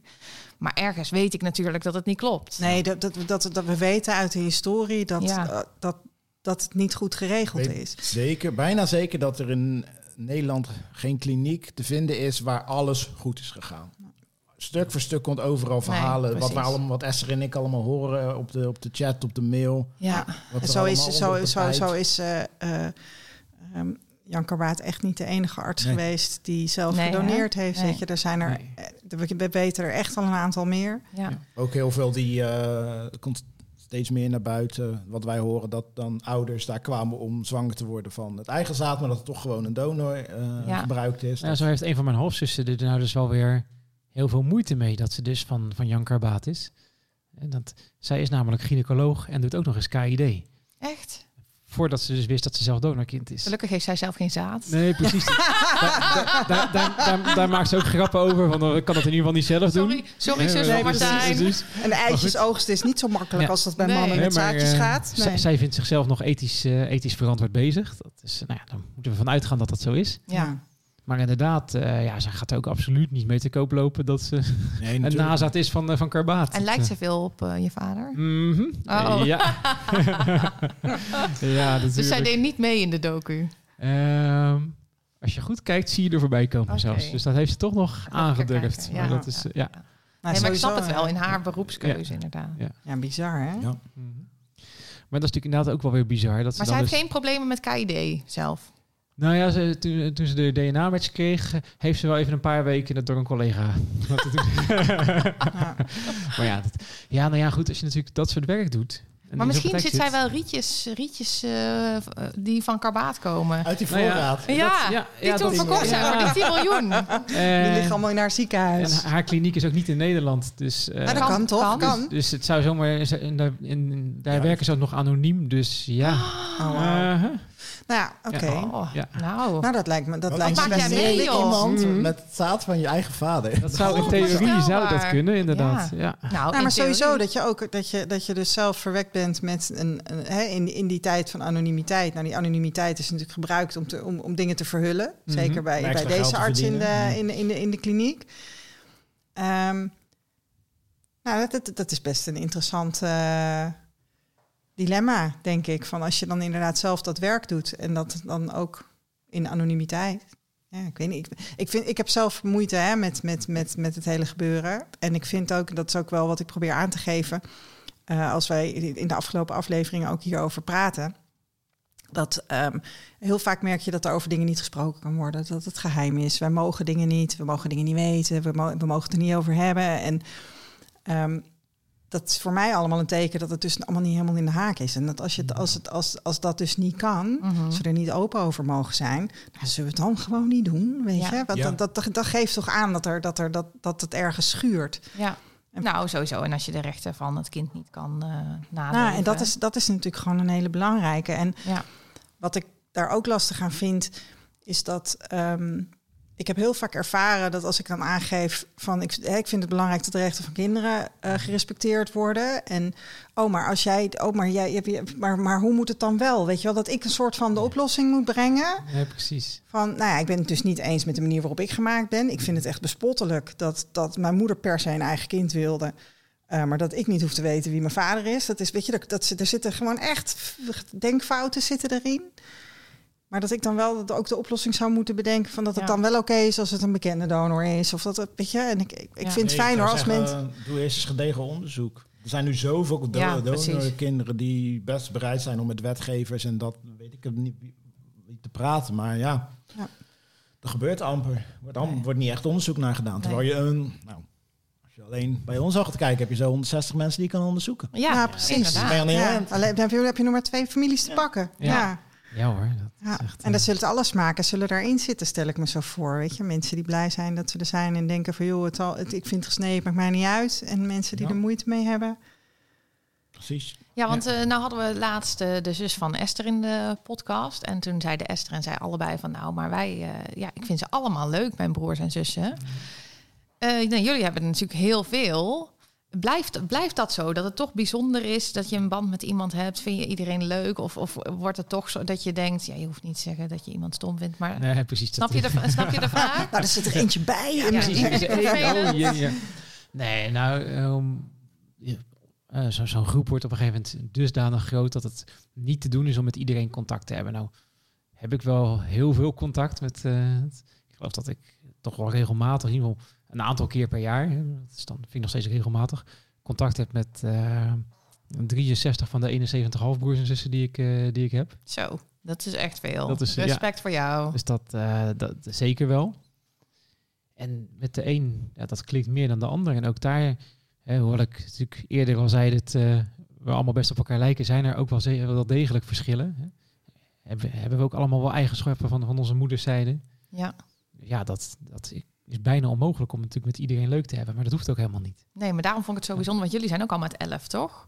Ja, bij ons breekt het een beetje op in sub- subgroepjes vooral. Mhm. Eerst Ja. toen ik erbij, ik was nummer 42, werd er nog heel erg vastgehouden. Nou, we moeten één groep zijn, maar ja, dat, dat is niet meer te doen. Maar Nee. wat je nu ziet, je ziet gewoon een versplintering van groepjes tussen de nou ja, 5 en 15 of zo, die het gewoon leuk hebben met elkaar en die dingen doen samen en gedeelde interesses hebben. En ja, dat is op een gegeven moment ook oké, zeg Ja. maar. Dan, En dat is behapbaar, zeg Ja. eigenlijk. Ja. Maar Maar jij ik heb- kan eh, ik heb wel- 63 mensen Ja, ik heb wel echt de, de ambitie om ieder, iedereen in ieder geval één keer ontmoet te hebben. Dat is, eh, dat, ik ja, maar één leuk. keer ontmoet hebben is wat anders Ja, dan... precies. eh, Maar inderdaad, hebben. hebben we nog Dat wel vind ik een mooie ambitie. Ja. En, en ook Ja. ambitieus, toch? Met Ja. zoveel broers en Nou, zo eh, ga ik vanmiddag ook nog weer naar een, naar een halfzus die dus nog niet zo lang geleden gematcht is. Ja, die heb ik nog niet ontmoet. Oh, ja. Nou ja, dat ik dan toch in de buurt ben, dan eh, moet ik dat gelijk even combineren. Ja, maar dat is ook wel, weet je wel, je moet het wel iedere keer natuurlijk Ja. opbrengen. Dat, dat, hè? Elke keer weer hetzelfde Tomeloze energie, ja. Ja, nee, maar goed, dat is, ik kan me voorstellen dat het bij nummer 42 anders is dan bij nummer eh 86. Ja, maar als je je natuurlijk herinnert hoe dat voor jezelf was. Dat Ja. is voor mij juist heel belangrijk, hè, dat, dat eerste contact.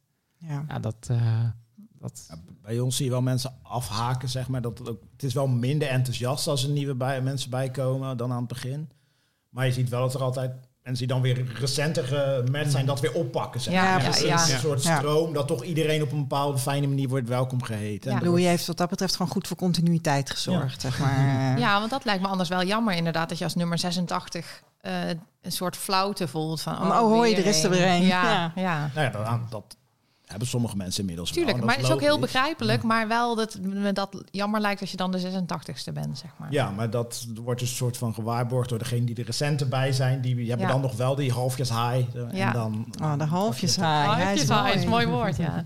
Hey, en ik ben dus nog steeds eh, heel benieuwd naar... ehm, ja, jullie hebben zoveel broers en zussen... dat je mensen op straat in de supermarkt misschien herkent als... nou, dat is, eh, dat is er een van Louis of van Karbaat. Ja. Hoe gaan jullie daarmee om? Ik heb met een aantal mensen die dat ook interessant vinden een WhatsApp-groep. Dat heet de Schaduwhalfjes. En daar eh, delen we verdachten, zeg maar. Daar verzamelen Verdachte. jullie... eh, Daar delen we de verdachten. Ja, en dan hebben we gewoon een lijst. Dat is ook handig om te weten. hè, Ja. Dat je die niet eh, mee naar huis moet nemen. Nee. Nou ja, in mijn geval is dat nou sowieso niet de bedoeling. Maar Nee. bij de vrijgezellen al helemaal niet. En we hebben al één keer gehad dat we iemand eh gematcht werd... en die stond op onze schaduwhalfjeslijst. Oh ja. dat is ook dus wel hij is best momentje. goed. Die lijst is Ja. best goed. Ja, die is best goed. Maar en wat hebben jullie dan ook zo'n lijst, eh Martijn? niet, niet zo concreet. Dat is, eh, Wij zijn goed, georganiseerd. Eh, ja, we- die, die groep van Ivo die heeft wel echt alles heel gestructureerd. En die doet dit en die doet dat. En bij ons is Oh, alles... ja? eh, de, de een pakt dit op en de ander dat. Gewoon bij En toeval Martijn doet alles. Eh, tegelijkertijd ook weer zo doen veel, maar ook weer heel weinig. Dat is, Eh, dat, eh, het- we hebben natuurlijk we hebben een smoelenboek en een, eh, en een adressenlijst en dat soort dingen, maar dat hebben een aantal zussen opgepakt. Dat is echt Oh, administratie. Ja. op zich. Ja, ja, ja, ja, ja, zeker. Ja. Maar dat, eh, dat komt wel allemaal weer bij mij terecht, maar dat hoef ik niet allemaal zelf. Jij eh, managt dat. Gelukkig. is Goede leidinggevende, Ja, hè? dat, eh, maar eh, wij zijn er als, als groep nog wat voorzichtiger in. Dat heeft, met alles bij ons in de groep heeft dat even tijd nodig om, dat, om daarin los te komen. En net als dat ik nu zeg van nou, je kunt makkelijk contact opnemen. Ja, daar dachten we drie jaar geleden anders over. Waren we Ja. daar veel voorzichtiger in. Ja, onze groep bestaat tien jaar volgens mij. Ja, precies. Dat. Precies, dat scheelt natuurlijk. En jullie groep bestaat Eh, sinds... s- eh, 2017, dus dat Oh, is ja. eh, ja, ja. Vier jaar. precies. Wij nemen Maar- niet heel actief contact op, maar we houden het wel bij. Ja, maar zo kwam het wel voor dat bijvoorbeeld een van mijn halfzussen, die eh, is heel goed bevriend met de buurvrouw van twee huizen verderop. Daar eh, doet ze van alles mee, daar heeft ze contact mee. En die buurvrouw die kreeg een nieuwe vriend. En zij raakt met hem in gesprek en zegt van nou, ik ben een donorkind. Volgens mij eh, ben jij een, eh, een halfbroer van mij. Wauw. Wow. en hij, eh, dat, is, dat, dat, dat heeft ze dus gewoon zo recht in zijn gezicht gezegd, waarop hij vertelde van nou, dat is toevallig, ik ben inderdaad een donorkind, maar ik weet van niks verder. Die is gaan testen en eh, nou, dat gaat tegenwoordig lekker snel. Dus haar buurman is haar Dus, dus, halfbroer. dus de nieuwe, die- de, nieuwe, nieuwe vriend van de buurvrouw. Dus de nieuwe buurman. kan je ook is niet eh, een soort partnerruil met de buren meer doen? Dat is Nee, dan ook dat er meer Wat een ellende je, om je, je, kunt geen sleutelclubje meer doen. Nee. Dat eh, Oh, oh, oh. Ja. Maar ik moet toch denken, want ik had, eh, ik ben dus hier heel voorzichtig in, dus ik vind dit heel interessante informatie. Ik had laatst iemand eh, kwam barbecuen van eh, de vriendin van een collega van eh, mijn vriend. En eh, ik, zij kwam binnen en ik kon alleen maar denken, jij lijkt zo op een collega van mij. een oud collega. En die collega wist ik ook niet van of ze donorkind was. Maar in mijn hoofd is dit nu al waarheid. Ja. Ik denk, ja, maar die zijn gewoon... Ja, maar ik, ik ben er nou van van overtuigd dat het makkelijker kan. Hè. Ik heb nog zo'n voorbeeld. Om het gemakkelijk te houden. Ik, ik heb sinds, sinds 2,5 jaar weer een, weer een vriendin. Ik ben gescheiden en ik ga nou binnenkort ga ik weer trouwen. Ook, eh, ook bijzonder. Maar goed, in ieder geval mijn, eh, mijn vriendin zat al midden in het verhaal. Eh, zij heeft- had de, de regisseuse van de documentaire had ze als klant. En haar beste vriendinnetje die is, is donorkind uit, uit de derde, eigenlijk de, eigenlijk de tweede grote groep. Hè, want de karbaatgroep staat op plek drie op het moment. Haar oudoom was dus de portier in het Zuiderziekenhuis... die zoveel in de media benoemd is als de man die al die potjes heeft aangepakt. Dus dat is ook weer, weet je wel, hoe, eh, hoe- hoe- Zij hoort eigenlijk ook al bij jouw club. Dus- ja, ze Ja, zit precies. gewoon al... eh, Maar haar beste vriendinnetje, dus vanaf de kleuterschool, zit dus in, die, in, in, die, in zo'n grote groep. En nou ja, toen, eh, toen ik een relatie kreeg, dan eh, zag ze mij. Kwam, Ivo had natuurlijk de donor gevonden, dus dat was ook al bijzonder. Ze had al die karbaatjes, had ze ook wel een beetje gezien. En ze zegt op een gegeven moment tegen, een, eh, tegen de, de, partner van een vriendin van haar van... joh, jij moet van karbaat zijn. En dat, nou ja, die kennen elkaar, dus dan kan je dat zeggen. Maar die zegt van, joh, doos doen Wist is- ik niet doe dat dat niet- kon. Maar... doe, doe niet zo maf, weet je wel. Ik, eh, Ja. ik heb gewoon twee ouders. Twee. Oh. Ja, hè, dus, eh, dus, niks, maar. dus, dus niks, niks, geen, eh, niks geen, geen donor of iets. Maar ja, vorig jaar overleed zijn vader en op zijn sterfbed vertelde zijn vader nog even dat hij donorkind is. Oh ja. Je wel, nou ja, goed beter laat dan nooit, maar doe dat even wat eerder. Ja. Ja. Nou ja, hij heeft de documentaire zitten kijken en eh, ja, een uur later had ik hem aan de telefoon, want eh die, eh, via die vriendin Toen was hij ervan overtuigd en Ja. inderdaad na drie weken een DNA-match. En, Dus, ik denk dat je het best, oh, gewoon met een beetje een, een beetje flauwe opmerking, gewoon een beetje als grap. Ja, ja terwijl ik zit dus heel erg in de stand. Ik raak dan ook een soort in de, Ik ben dan sowieso van de freeze, hè, dat is mijn ding. Hmm. Dus dan denk ik, "Ah, nee, dit kan ik niet zeggen. En dan de hele avond denk ik alleen maar, dit kan ik niet zeggen. Dit kan ik niet zeggen. Dit is een soort visuele cirkel. Maar eh, ik, eh, ja, ik heb de laatste tijd meer mensen die ik ervan denk, van verdenk donorkind te zijn. En dat is niet eens dan bijvoorbeeld dat ik eh, Ivo van jou een broer of zus denk te zien, maar echt twee mensen van wie ik allebei helemaal niet weet of ze donorkind zijn. En dat ik dan denk, nou, jullie lijken zo op elkaar, dat is gewoon 1 en 1 is 2.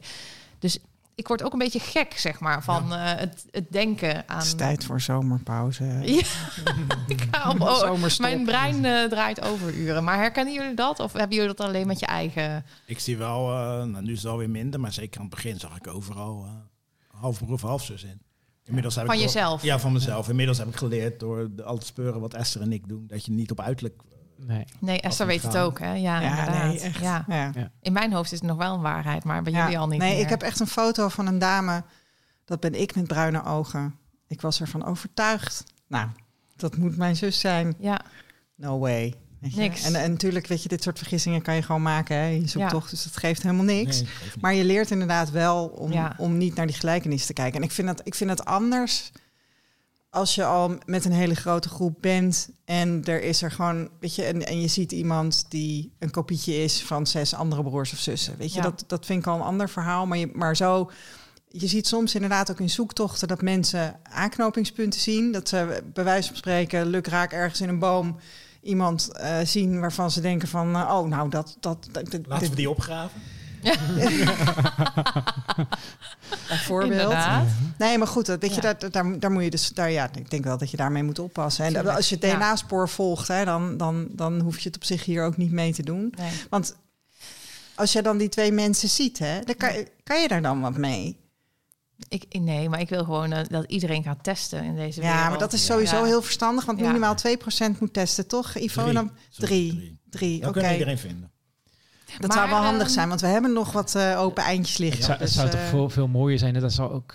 Dat ook dat daar zullen heel veel mensen het niet mee eens zijn. Maar je kunt ook via dat DNA-verwantschapsonderzoek heel veel criminaliteit oplossen. Ja. Dat zou, ook, zou ik ideaal vinden. Ja. Ik vind dat, eh, ja, dat is in de er- Verenigde Staten. ze Ondanks daar dat jij niet van de regeltjes bent, Nee, maar, maar in dit dat... geval, ja, nee, Ja. Dat, nou ja, die niet van de regeltjes, maar je hebt natuurlijk regeltjes en regeltjes. Er zijn gewoon grenzen, moet je niet over. Ja, ja. Weet je wel, je moet niet een vrouw van de fiets aftrekken en voor je plezier er wat mee gaan doen. Dat, Nee. weet je, dat, Als dat- die vrouw dat niet leuk vindt, precies. hè? Hè? Dat is, eh, Dat is heel ja, belangrijk. dat moet je- Misschien zegt die vrouw, Constant. trek Ja. mij van mijn fiets. Ja, moet je, moet je eerst even vragen. Maar goed, hè, dat lijkt me, lijkt me ook niet handig. Maar goed. nee, maar ehm, dus als je op die manier dus echt wel hè, ernstige criminaliteit kan opsporen. Wat, hè, je hebt natuurlijk ook witte bordencriminaliteit. Dat is eh, waarschijnlijk nog eh, financieel gezien veel erger. Maar daar hebben we met z'n allen niet zo'n last van. Maar echt dingen die impact hebben. Ja. Hè, ver- ver- verkrachting, eh, moorden. En, Zo'n zaak van Nicky Verstappen. Precies. Precies. Ja. Ja. Zo gehad, denk ik. ja, Ja. ja. Mag niet gebruikt worden. Nee. Nee.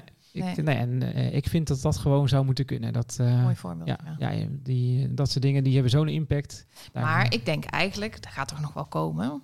Ja, waarschijnlijk. Maar dat gaat dan wel weer twintig jaar duren. Ja, is, precies. Daar we Sowieso, komt er een moment dat er, want ze zijn bezig met whole genome sequencing, weet je, dat ze dus echt je hele DNA in kaart brengen. Wat wij nu doen is we maken gebruik van een profiel van 700.000 of een miljoen stukjes. Maar dan gaan ze je hele DNA, dus dat, dat- dus dat gaat, dat gaat ongetwijfeld komen dat dat beschikbaar is en dat het ergens, Ja.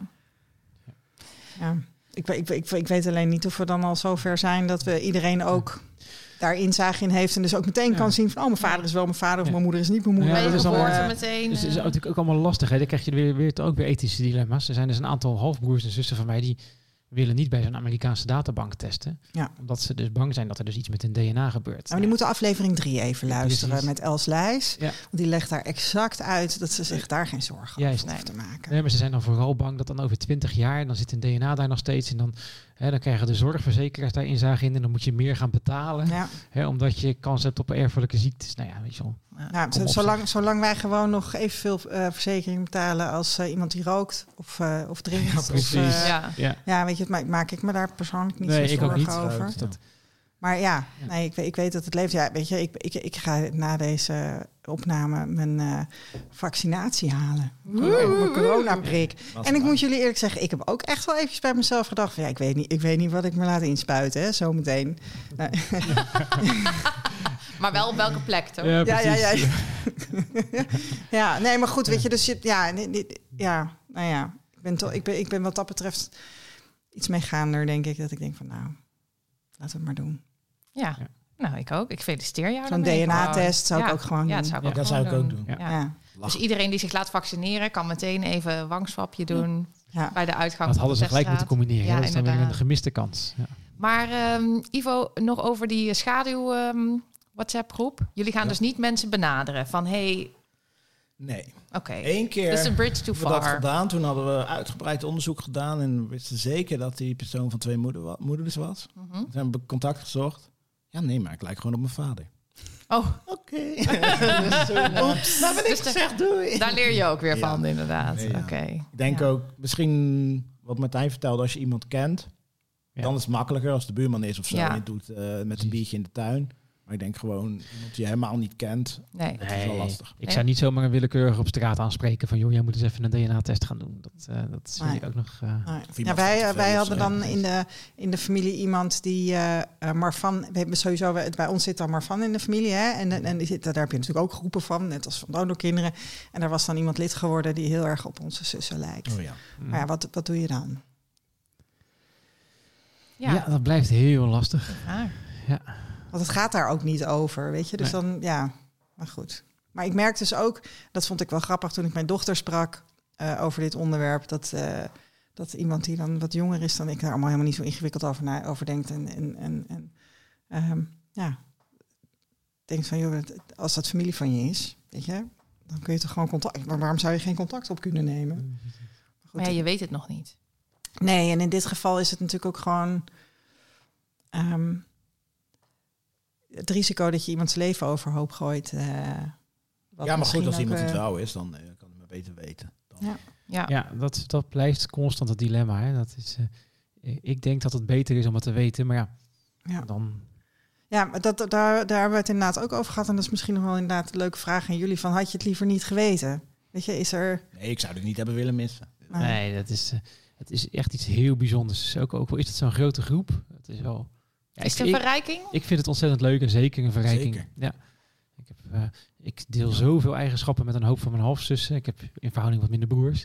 Dus dat... eh, Ik heb ook in verhouding minder broers. Heel ja, dat is, Ja. ja, maar dat is, dat, is, Ja. dat is ook nog wel iets hè, Ja. met donorkinderen. Ja. Dat, eh, dus, eh, ja. Is daar ook een theorie over? Tuurlijk dat donoren min- meer meisjes ik, maken? ik heb al een, een aantal jaren een theorie en die heb ik ook weer eens voorgelegd aan eh, een aantal van mijn halfzussen die, eh, die ervoor voor gestudeerd zouden moeten hebben. Ja, onder andere de gynaecoloog. Maar goed, dat, ehm, eh, er zijn natuurlijk sowieso al theorieën die gaan ook rond eh, in, eh, in, de, in de geheime groep van donorkinderen. Dat, natuurlijk, dat weet iedereen wel dat vrouwen over het algemeen wat meer zoeken en wat meer willen weten dan mannen. Mannen wuiven dat een beetje weg. Mhm. Dat scheelt zeker. Maar in dit geval heb je het natuurlijk over donorzaad waar kinderen uitkomen.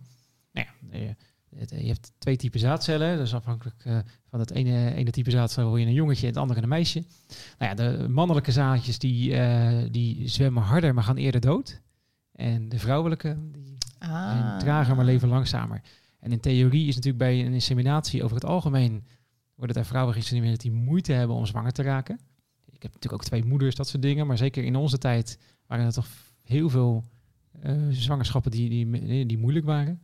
Ja, dan is de kans op een, eh, op een dochter is groter.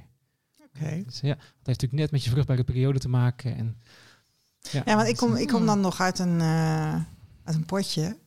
En niet uit een rietje. Direct uit het vuistje kom je. Ja, Zus, dan een kaasje. Ja. Ehm, dan zou je inderdaad, dan, dan, dan, zou dus, dan zouden die mannetjes die zouden al dood zijn, zeg maar, tegen de tijd dat mijn moeder geïnsemineerd werd. Is dat dan een beetje de, de, de, de theorie? Ja, dat, eh, nou ja, goed, het is natuurlijk, ze, ze, ze, ze proberen natuurlijk zo dicht mogelijk bij die vruchtbare periode in die kliniek te komen. In ieder geval in die tijd. Maar goed. Ja, temperaturen. Ja, hè, maar dat is dat, als je dan daar net, een paar dagen voor je meest vruchtbare moment bent, dan zijn inderdaad die, die mannelijke zaadcellen zijn al dood, terwijl die vrouwen dan nog lekker, eh, lekker rond spartelen. ja, Vrouwen zijn toch sterker. Je voelt het Ja, meteen ja, precies. hè? Ja. Toch? Dus dat is... eh, Het is goed dat we het daar ook nog even over hebben. Ja, dat dat even nog aan bod komt. Hebben we eindelijk twee gasten aan tafel, twee mannen.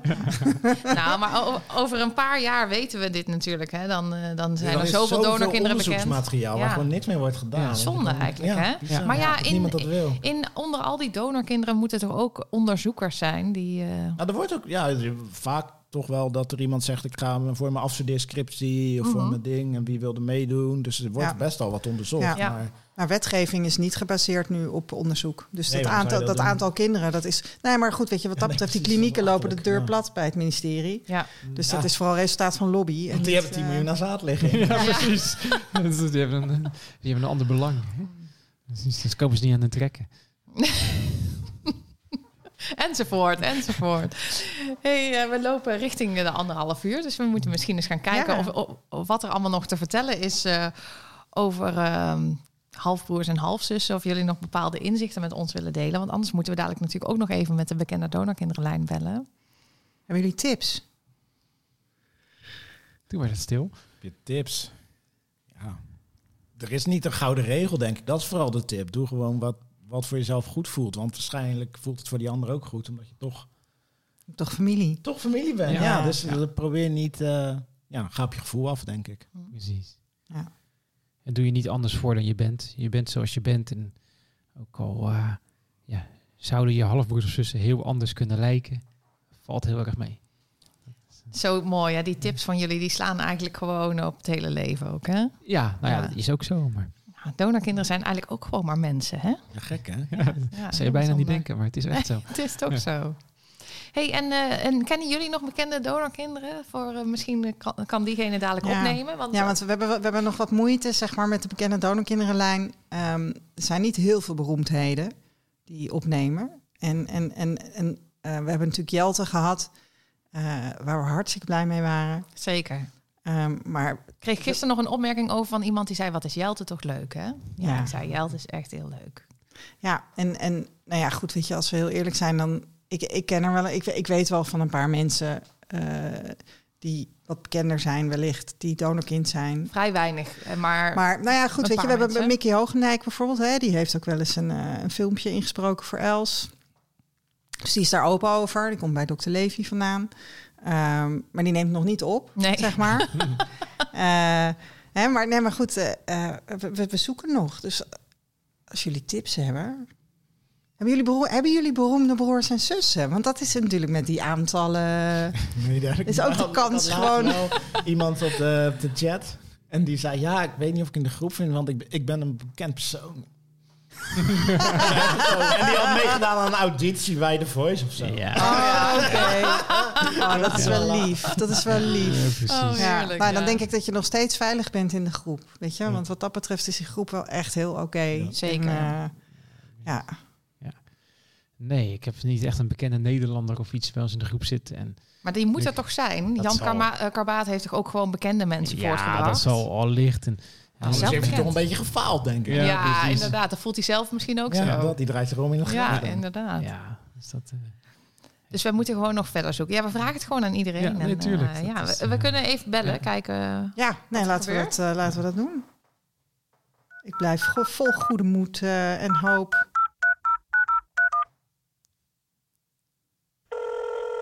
Gaat het over? Ja, jullie hebben geen koptelefoon zijn, op, maar gaat dus over. Het zou zo leuk zijn, hè? Ja. Ja, dat het wel een keer lukt. Hè? we willen een beetje van dat taboe af, hè? Want eh, ja, er zijn dus, er zijn, ze zijn er heus, maar ze hebben het er niet over. En wij willen het er graag wel over hebben. Ik ben er bang voor. Nee. Nou, Oké, Weer niet. diep We gaan, eh, we gaan eh, ja, we zijn in, in Hilversum. Eigenlijk moeten we gewoon hier een beetje gaan rondrijden, denk ik, Esther. Ja, dat zou inderdaad goed Nou ja, kunnen. dat is, dat is Ja. ook wel weer mooi. Hè? Dat, ik heb in mijn, mijn halfbroers en zussengroep best een aantal mensen zitten die ehm, redelijk succesvol zijn. Dat is hartstikke leuk voor ze. Maar goed, dat, eh, ja, dat ben ik zelf natuurlijk niet. Hè. Dat is, ja, Ik zeg ben, niks. ik ben gewoon, gewoon, ik zie Oh. Ivo kijken. Ik ben gewoon, gewoon. Nee hoor, gekke Ben jij niet een heel succesvolle... ehm, ik doe, het- ik, doe het, ik doe het best aardig op... op Vader? allerlei- ik heb natuurlijk... Ik heb Huwelijkskandidaat. Ja, ja sowieso? precies. Ja, al voor Ja, de maar dat, is familie, keer, dus dat, zit, dat zit in de familie, hè? Meerdere keren trouwen. Maar goed. Ja. Dat is dus Nee, een maar, talent ja. van jullie. Maar er zijn dus er een aantal die, eh, ja, die ehm, bijvoorbeeld een- ik heb bijvoorbeeld een halfzus die zit in de top van het bedrijfsleven. Maar ja, die wil daar niet mee te koop lopen dat ze van karbaat is. Nou ja, Ja. dat is, hij is haar keuze, dus dat is niet Ja. aan mij om dat... eh, maar goed, wat, eh, wat doe je dan op het moment dat je een... eh, ik, heb een aantal keer een nieuwjaarsborrel georganiseerd waar er heel veel kwamen. Ja, wat doe je met media schuwe mensen? En dan ga je natuurlijk gewoon naar een café in Hilversum, gewoon met z'n allen. Ja, gewoon de hol van de leeuw, dat, dat verwachten ze niet. Dus ja hoor. is, Ja, hebben jullie dat gedaan? ja, we, meerdere, we, zijn, we zijn drie keer, drie keer eh, midden, midden in Hilversum. Ja. in- in- in- in- ligt dat is, eh. Ja, daar gaan we nu ook. Dan moet eh, ik even weten, waar, waar was dat dan? Want dan, dan, kan, dan kan ik daar een beetje, dan kunnen we daar eventjes... eh, Po- Oh. Posten. nee, je hebt een, hele, heel gezellig restaurant midden in Hilversum, een café-restaurant, het eh, Nieuwe Statenwapen. Dat, eh, Oké, Daar zijn we lekker met z'n allen naartoe geweest, eh, meerdere keren. fantastisch. Ja, met Jelte hadden we toen over een televisieprogramma, hè, waar een soort wie van de drie. En dan moeten ze alle drie een DNA-testje doen, zoiets. Maar het is Wie nog in ontwikkeling. donorkind? Ja. ja. Dus als er nou, eh, ja, we zijn nog niet gebeld door een eh, producent hè, die het wil maken. nee, Dat, maar als er eh, nou een tv-producent is die ook tevens donorkind is, die kan hier misschien wel wat mee. Ja. Dus Ja. eh, nou, daar moeten we dan nog eventjes. eh, ja. Ja, het zou wel mooi zijn, want het, weet je, ik, ben- ik, het is natuurlijk heel jammer dat eh, hè, dat verhaal wat jij even over je zus vertelt, dat het zo werkt. Maar Ja. dit is wel hoe het werkt. En dat heeft Ja. ermee te maken met, denk ik, dat, dat we er niet over spreken. En dat je misschien inderdaad, dat je als je, als je dan in zo'n positie bent, niet met die man geassocieerd wil Precies, worden. Ja, ja Terwijl- er zit, zit nog een ander dilemma in ook. Hè. Dat is natuurlijk... eh, ik ook een aantal van, van... Ik zeg weer zussen, maar dat komt omdat ik in verhouding met de broers heb. Die ehm, er niet mee naar buiten willen komen... omdat ze een enorme loyaliteit aan hun op, opvoedvader Ja, hebben. En dat is ja. natuurlijk heel mooi. ja. En dat is zeker ook voor... Mochten nou toevallig mochten de ouders luisteren... die het hun kinderen nog niet verteld hebben. Donorkinderen zijn over het algemeen ontzettend loyaal... naar hun, hun, eh, Zeker. naar hun, hun, hun opvoedvader en hè, gewoon hun ouders in het algemeen. Ook daarin verschillen donorkinderen weer niks van af van Nee. andere kinderen eigenlijk. Nee, Precies. Het is, eh, Dus dat is, is heel totaal waar. niet iets om je zorgen over te maken als je dat je kinderen gaat vertellen. Als jij gewoon nog een, een goede band met je kinderen hebt, kunnen ze dat prima hebben. En is de kans dat de, de band verbetert alleen eh, juist groter dan dat die verslechtert. Maar goed, eh, dat is ook wel een, ja, daar komen ze ook in een dilemma dat ze er niet mee naar buiten willen komen. Omdat dus, eh, stel je voor dat je, je, je vader onvruchtbaar was, dat je daarom dus van een donor bent. Ja. Nou ja, goed, dat, daar is nog steeds, er zit nog steeds een taboe op. Ja. Eh, vruchtbaarheid, ook eh, natuurlijk bij vrouwen iets minder, maar vruchtbaarheid in het algemeen, dat heeft dan ook, ook weer met seksualiteit te maken. En zeker voor een man, dan zal hij wel niet kunnen presteren. ja. dat is belachelijk Ja. dat het er nog is, maar dat, dat is er. En dat komt ook omdat we met z'n allen er niet eh, genoeg over praten. Eigenlijk. Nee, precies. We houden dit dus ook gewoon met elkaar in stand. En dat is zo jammer. Want uiteindelijk geloof ik niet dat het iemand echt interesseert. En buitenstaander, of het zaad van jouw vader nou goed was of niet. Nee, of, weet je, nou, dan Ja. wordt het, er Ja. wordt misschien heel even gekeken van, eh, oh, joh, Ja. nou, oké. En dan gaan mensen Ja. weer verder. Precies. Zo interessant is het niet. Nee, zo interessant is het niet. En nou ja, weet je, dit is, dit is voor mij ook echt wel een punt waarop ik denk van ja, en als we het er dan niet over kunnen hebben, dan moeten we het maar niet doen. Of Ja. we moeten het er gewoon over hebben. Ja. Nou ja, we zijn er. Dus laten we het dan niet meer maar... eh, weg. Laten we het ook maar... Nee, hè, we gaan nergens We heen. gaan nergens heen. Nee, daarvoor zijn we met te veel überhaupt. Dus we kunnen ook nergens meer heen. Nee, Nee. We nemen de wereld over, dat sowieso. maar dan moet wel eerst even iedereen een DNA-testje Ja, doen, zodat hij weet dat hij mee de wereld over gaat nemen. Ehm, ik dacht eh, ter afsluiting, Ivo. ehm, ja, we hadden het er al even over. Jij bent natuurlijk de, de opperspeurneus. Dat is mijn zoekvriend. Ja, Zoekvriend ja, Ivo, zegt Esther. Ik ben hulp van Esther. Eh, nou, het hulpje Nou, van ja, Esther. zeg. Geloof ik ook niet helemaal in. Maar eh, ja, wij hopen We gaan eigenlijk eens een dat jij... eh, talenten hebben. je- dat je nog een keer terug wil komen om over al die spannende zoektochten te vertellen. Maar, maar misschien wil je ons alvast een beetje teasen aan het eind van deze aflevering. Jawel. Kan dat? Is er iets, eh, een, een leuk verhaal eh, te Nou, delen? Genoeg, even denken. Zeker die aan de zoek, zoektocht aan het begin. Toen ik het nog maar net deed, dan ben je veel langer aan het zoeken. Dus dan heb je veel meer verhaal. Nu ben je te snel eigenlijk voor een leuk Ja. verhaal. dat is wel... ja, nou ja, dat hebben we soms wel. Dan zijn we in 48 uur klaar. En denk ik, wow, was dit het? maar goed, dat is voor die mensen wel fijn. Ja. Er was, eh, kwam een jongen in de, in de donorkindgroep. En ja, iedereen wist het zeker uit. Of bij Kabaat of bij een andere grote groep. Hij vrolijk testen. Had al met mensen contact gehad en zo. Toen kreeg hij de uitslag. Hoogste match. 56 centimorgans. Oei. Dat is dus helemaal Dat is echt Dat bagger. noemen we in donorkindland een Esther match. Als je gewoon Daar had ik er namelijk Een heel veel van. 56 is nog hoog. niks- Ja, dat is helemaal niks. En dat vond ik, ja, ik vond dat wel heel sneu. Dus nou, contact met hem gezocht. En toch maar gewoon met hem aan de slag gegaan. Zoeken, zoeken, bouwen. Vanuit die eh 56 vanuit die- centimorgan match. Ja, E- e- even, even tussen die 56 centimorgen, dan zit je dus, als je de, zo'n match hebt, hoe, hoeveel generaties zit je Zit je gezamenlijk rond voorouder? 1800 of zo. Ja, 1800 of zo. Ja, precies. Dan zit je dus echt een tak weg. Hè? Ja. Dat is- Letterlijk. Dus Ja, de takken van de stamboom Juist. zijn heel ernstig ver weg. Ja. En toen, eh, nou ja, op een gegeven moment hadden we wel wat, een, een klein boompje. En hij was ook, hij zoekt nu overigens ook mee zelf voor andere mensen. Hij heeft daardoor het wel geleerd. Eh toen dacht nou weet je, doen we ook eh, andere DNA-test. Hij die test doen en eh, ik was, ik was toen, ik zat in Afrika met mijn vrouw. En op een gegeven moment, morgens keek ik, want ik volg natuurlijk al die testen, want ik ben nog nieuwsgieriger dan de Dwangma- zelf. dwangmatig checken van de matches. Precies. en die, die uitslag komt binnen. Het was een zondagochtend. Hoogste match 530 centimorgen. Oei. En ook inderdaad daar een naam in die boom die wij al hadden. Dus kijken, zoeken. Op een gegeven moment, joh, ik zal die persoon eens even intikken op Facebook. Dus ik, ik zoek die in.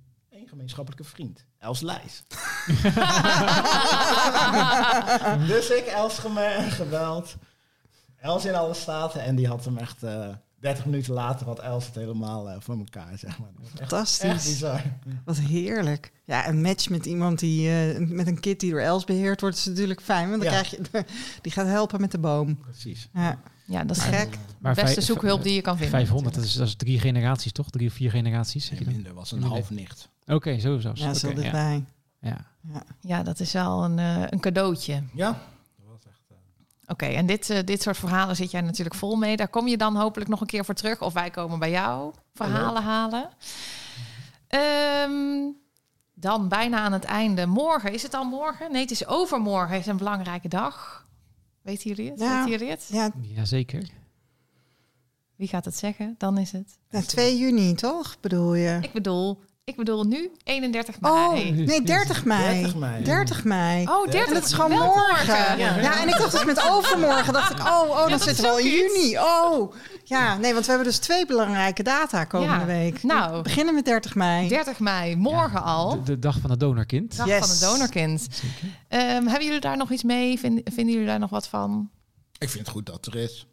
Ik vind het leuk om dan eh, als vrijwilligers om elkaar wat te bedenken. Het is weer zo'n gezamenlijk moment dat iedereen weer even onder zijn steen vandaan komt. En eh, Ja, samen leuke dingen. Nieuwsbrief hebben we gemaakt, eh, actie, filmpjes. mooi nieuwsbrief, allemaal lezen. Ja. En eh, ja, ik, ik heb dus op mijn Facebook-tijdlijn nu geplaatst met inderdaad de oproep eh, om je, je kind te vertellen dat hij donorkind is. Dus eh, nou, hopelijk doen meer mensen dat en, en worden daar mensen door getriggerd. Je weet Ja. het niet, hè? We moeten dit soort dingen eigenlijk gaan sponsoren, Ivo. Want wat ik wel zie is als we dat soort dingen delen, weet je, het zijn. Ik weet niet hoe, groot ons ons bereik is.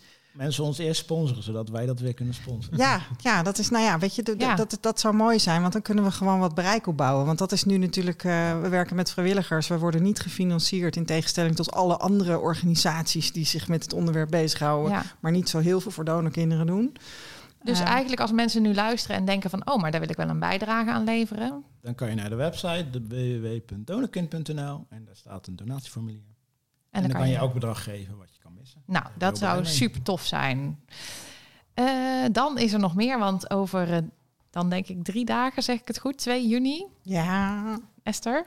Ja, dan is eh, eh, uitspraak van een rechtszaak van een aantal donorkinderen die ze hebben aangespannen tegen zowel SDKB als de kliniek waar hun moeders behandeld zijn. Ehm, en dat is net als die uitspraak in die rechtszaak van eh, Maria weer belangrijk als jurisprudentie ook en als eh, ja, signaal naar het ministerie om nou eh, die, die wetgeving eens even aan te passen. Want ook Ja. hier gaat het om een bekende donor die anoniem is, is geworden. geworden. Ja, ja, ja. Van bekend naar anoniem. Je, je kan, kan niet eens bij hè, dat het kan. Gewoon, want je bent bekend, zou je denken. Ja. ja, wat ik wel heel mooi vond, was dat de laatst in de dat, dat de laatste iemand het, het verhaal vertelde eh, dat door alle publiciteit een B-donor die A-donor was geworden, toch weer B-donor werd. Ja, Omdat hij dacht van, ah shit, dit, ik moet me inderdaad gewoon die zag bekend wat de impact was. Ja, Ja, nou, ja. dat is heel mooi. Ja, en, eh, weet je, en dat is natuurlijk wel, eh, nou ja, ik, ik hoop dat de rechters de rechten van deze donorkinderen Erkend. Erkennen. Erkennen, Ja, ja. nou heel spannend. We gaan eh, duimen draaiend richting 2 juni, denk ik. Ivo en Martijn, heel erg bedankt voor eh, al het licht wat jullie hebben geschenen op eh, het hebben van broers en zussen, of heel veel broers en zussen. En Nou hoe ja, ga je daar dan mee om? Leuk dat we mochten komen. Ja, graag gedaan. Ja, Ja, nou, echt en- heel fijn dat jullie er zijn. Nou, goed. kom, kom vooral nog eens terug. Ja. Ehm, dan gaan wij deze aflevering afsluiten. Esther, ik zet daar natuurlijk zachtjes onze tune onder. Die hoort er toch bij. Dit was alweer de achtste aflevering van eh, De Kwak Kwaakt. Over het hebben van broers en zussen. Eh, De volgende keer, hè, dan hebben ja. we, dat, dat is ook wel leuk, dan hebben we Amy eh, op bezoek. En dan gaan we het hebben over waarom sommige donorkinderen toch zo boos zijn. ja, misstanden. Misstanden eh, waar we eh, als donorkinderen mee te maken hebben. Ja. Ehm, nou, die zetten we eens even lekker op een rijtje, zodat buitenstanders misschien ook eens snappen waarom we nou zo moeilijk doen. Ja, precies. Waar wij eigenlijk zo moeilijk over doen. Dus Wat is Voor- ons probleem? Precies. Dus eh, als je zin hebt om boze donorkinderen te horen, of in ieder geval te horen waar ze boos over zijn, dan kan je naar de volgende luisteren. Ehm, Input is ook welkom op de kwakkwaakt.gmail.com of de kwakkwaakt op Insta. Ja. We zijn dol op spraakberichten, dus eh, kom maar door met je en, eh, misstanden. en volg ons lekker. ehm, en luister naar ons. Deze podcast werd ook weer gemaakt door Esther de Lauw en Eefje Habets. De muziek is van Shane Ivers, Hate Speak Easy en vind je op www.silvermansound.com. En eh, tot de volgende. Yay!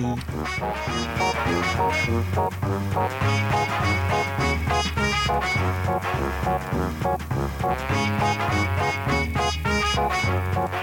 you.